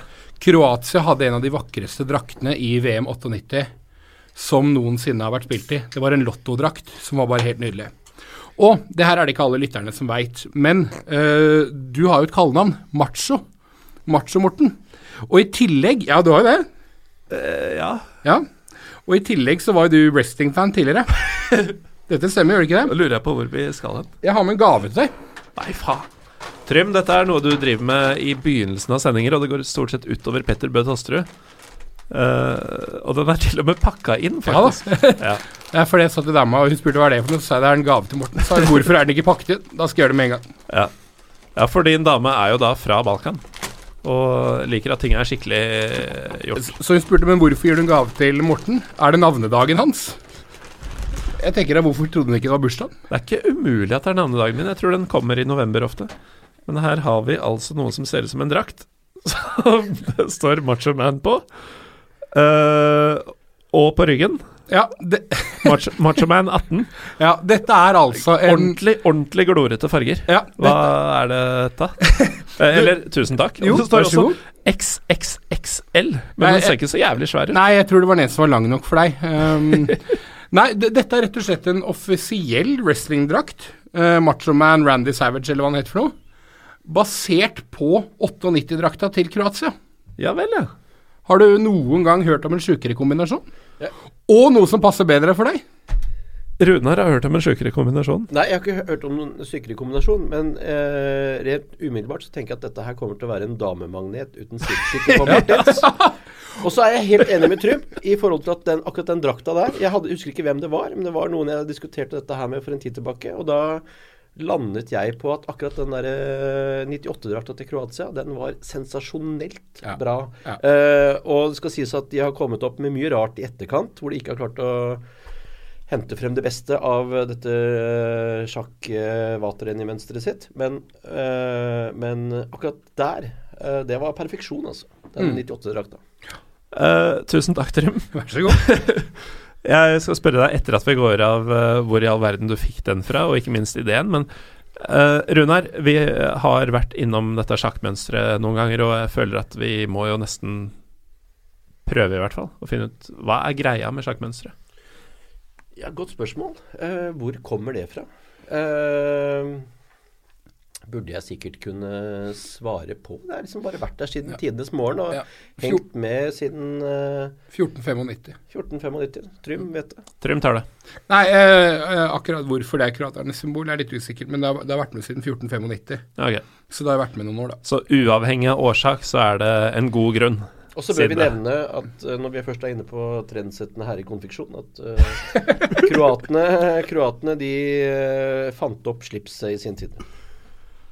Så du fant altså opp dette spetakkelet av en eh, wrestling-fotballdrakt? Nei, det er, ja, det, Sam, sam, sam det er et amerikansk merke, faktisk, egentlig, men ja. Ja, made in China, står det. Ja, det er det vel gjerne. Ja, det, Men, som, men som, er kroatisk. som et godt amerikansk merke. Derav ordet kravat. Ja. Som eh, for øvrig også er merke, nei, ordet for um, slips på tyrkisk. Eh, Da kommer vi i mål. da kom vi i mål. Uh, takk, Runar Norvik og Trym Hogner, for at dere kom og berika mitt og våre lytteres eh, liv med masse kunnskap om eh, Kroatia. Og eh, takk til dere som hører på for at dere fortsatt sitter her, to og en halv time nesten inne i sendinga. Ehm, hvis dere vil ha ordentlig god William Ovka, så kontakt mediesjef i FK Haugesund, Runar Norvik. Hvis dere vil ha Rakia i framtida, så kontakt Trym Hogner, som en dag skal bli en fabrikk, har jeg bestemt. og Trym egentlig tenkt på. Riktig. Uh, ta alt det jeg sa det siste minuttet med en klype salt, men uh, ikke dette. Hør gjerne på Pyro Pivo seinere også, og følg oss på Twitter og Instagram der vi heter Pyro Pivo Pod. Pyro Pivo Pod. Takk for nå. Hvala for at dere hørte på.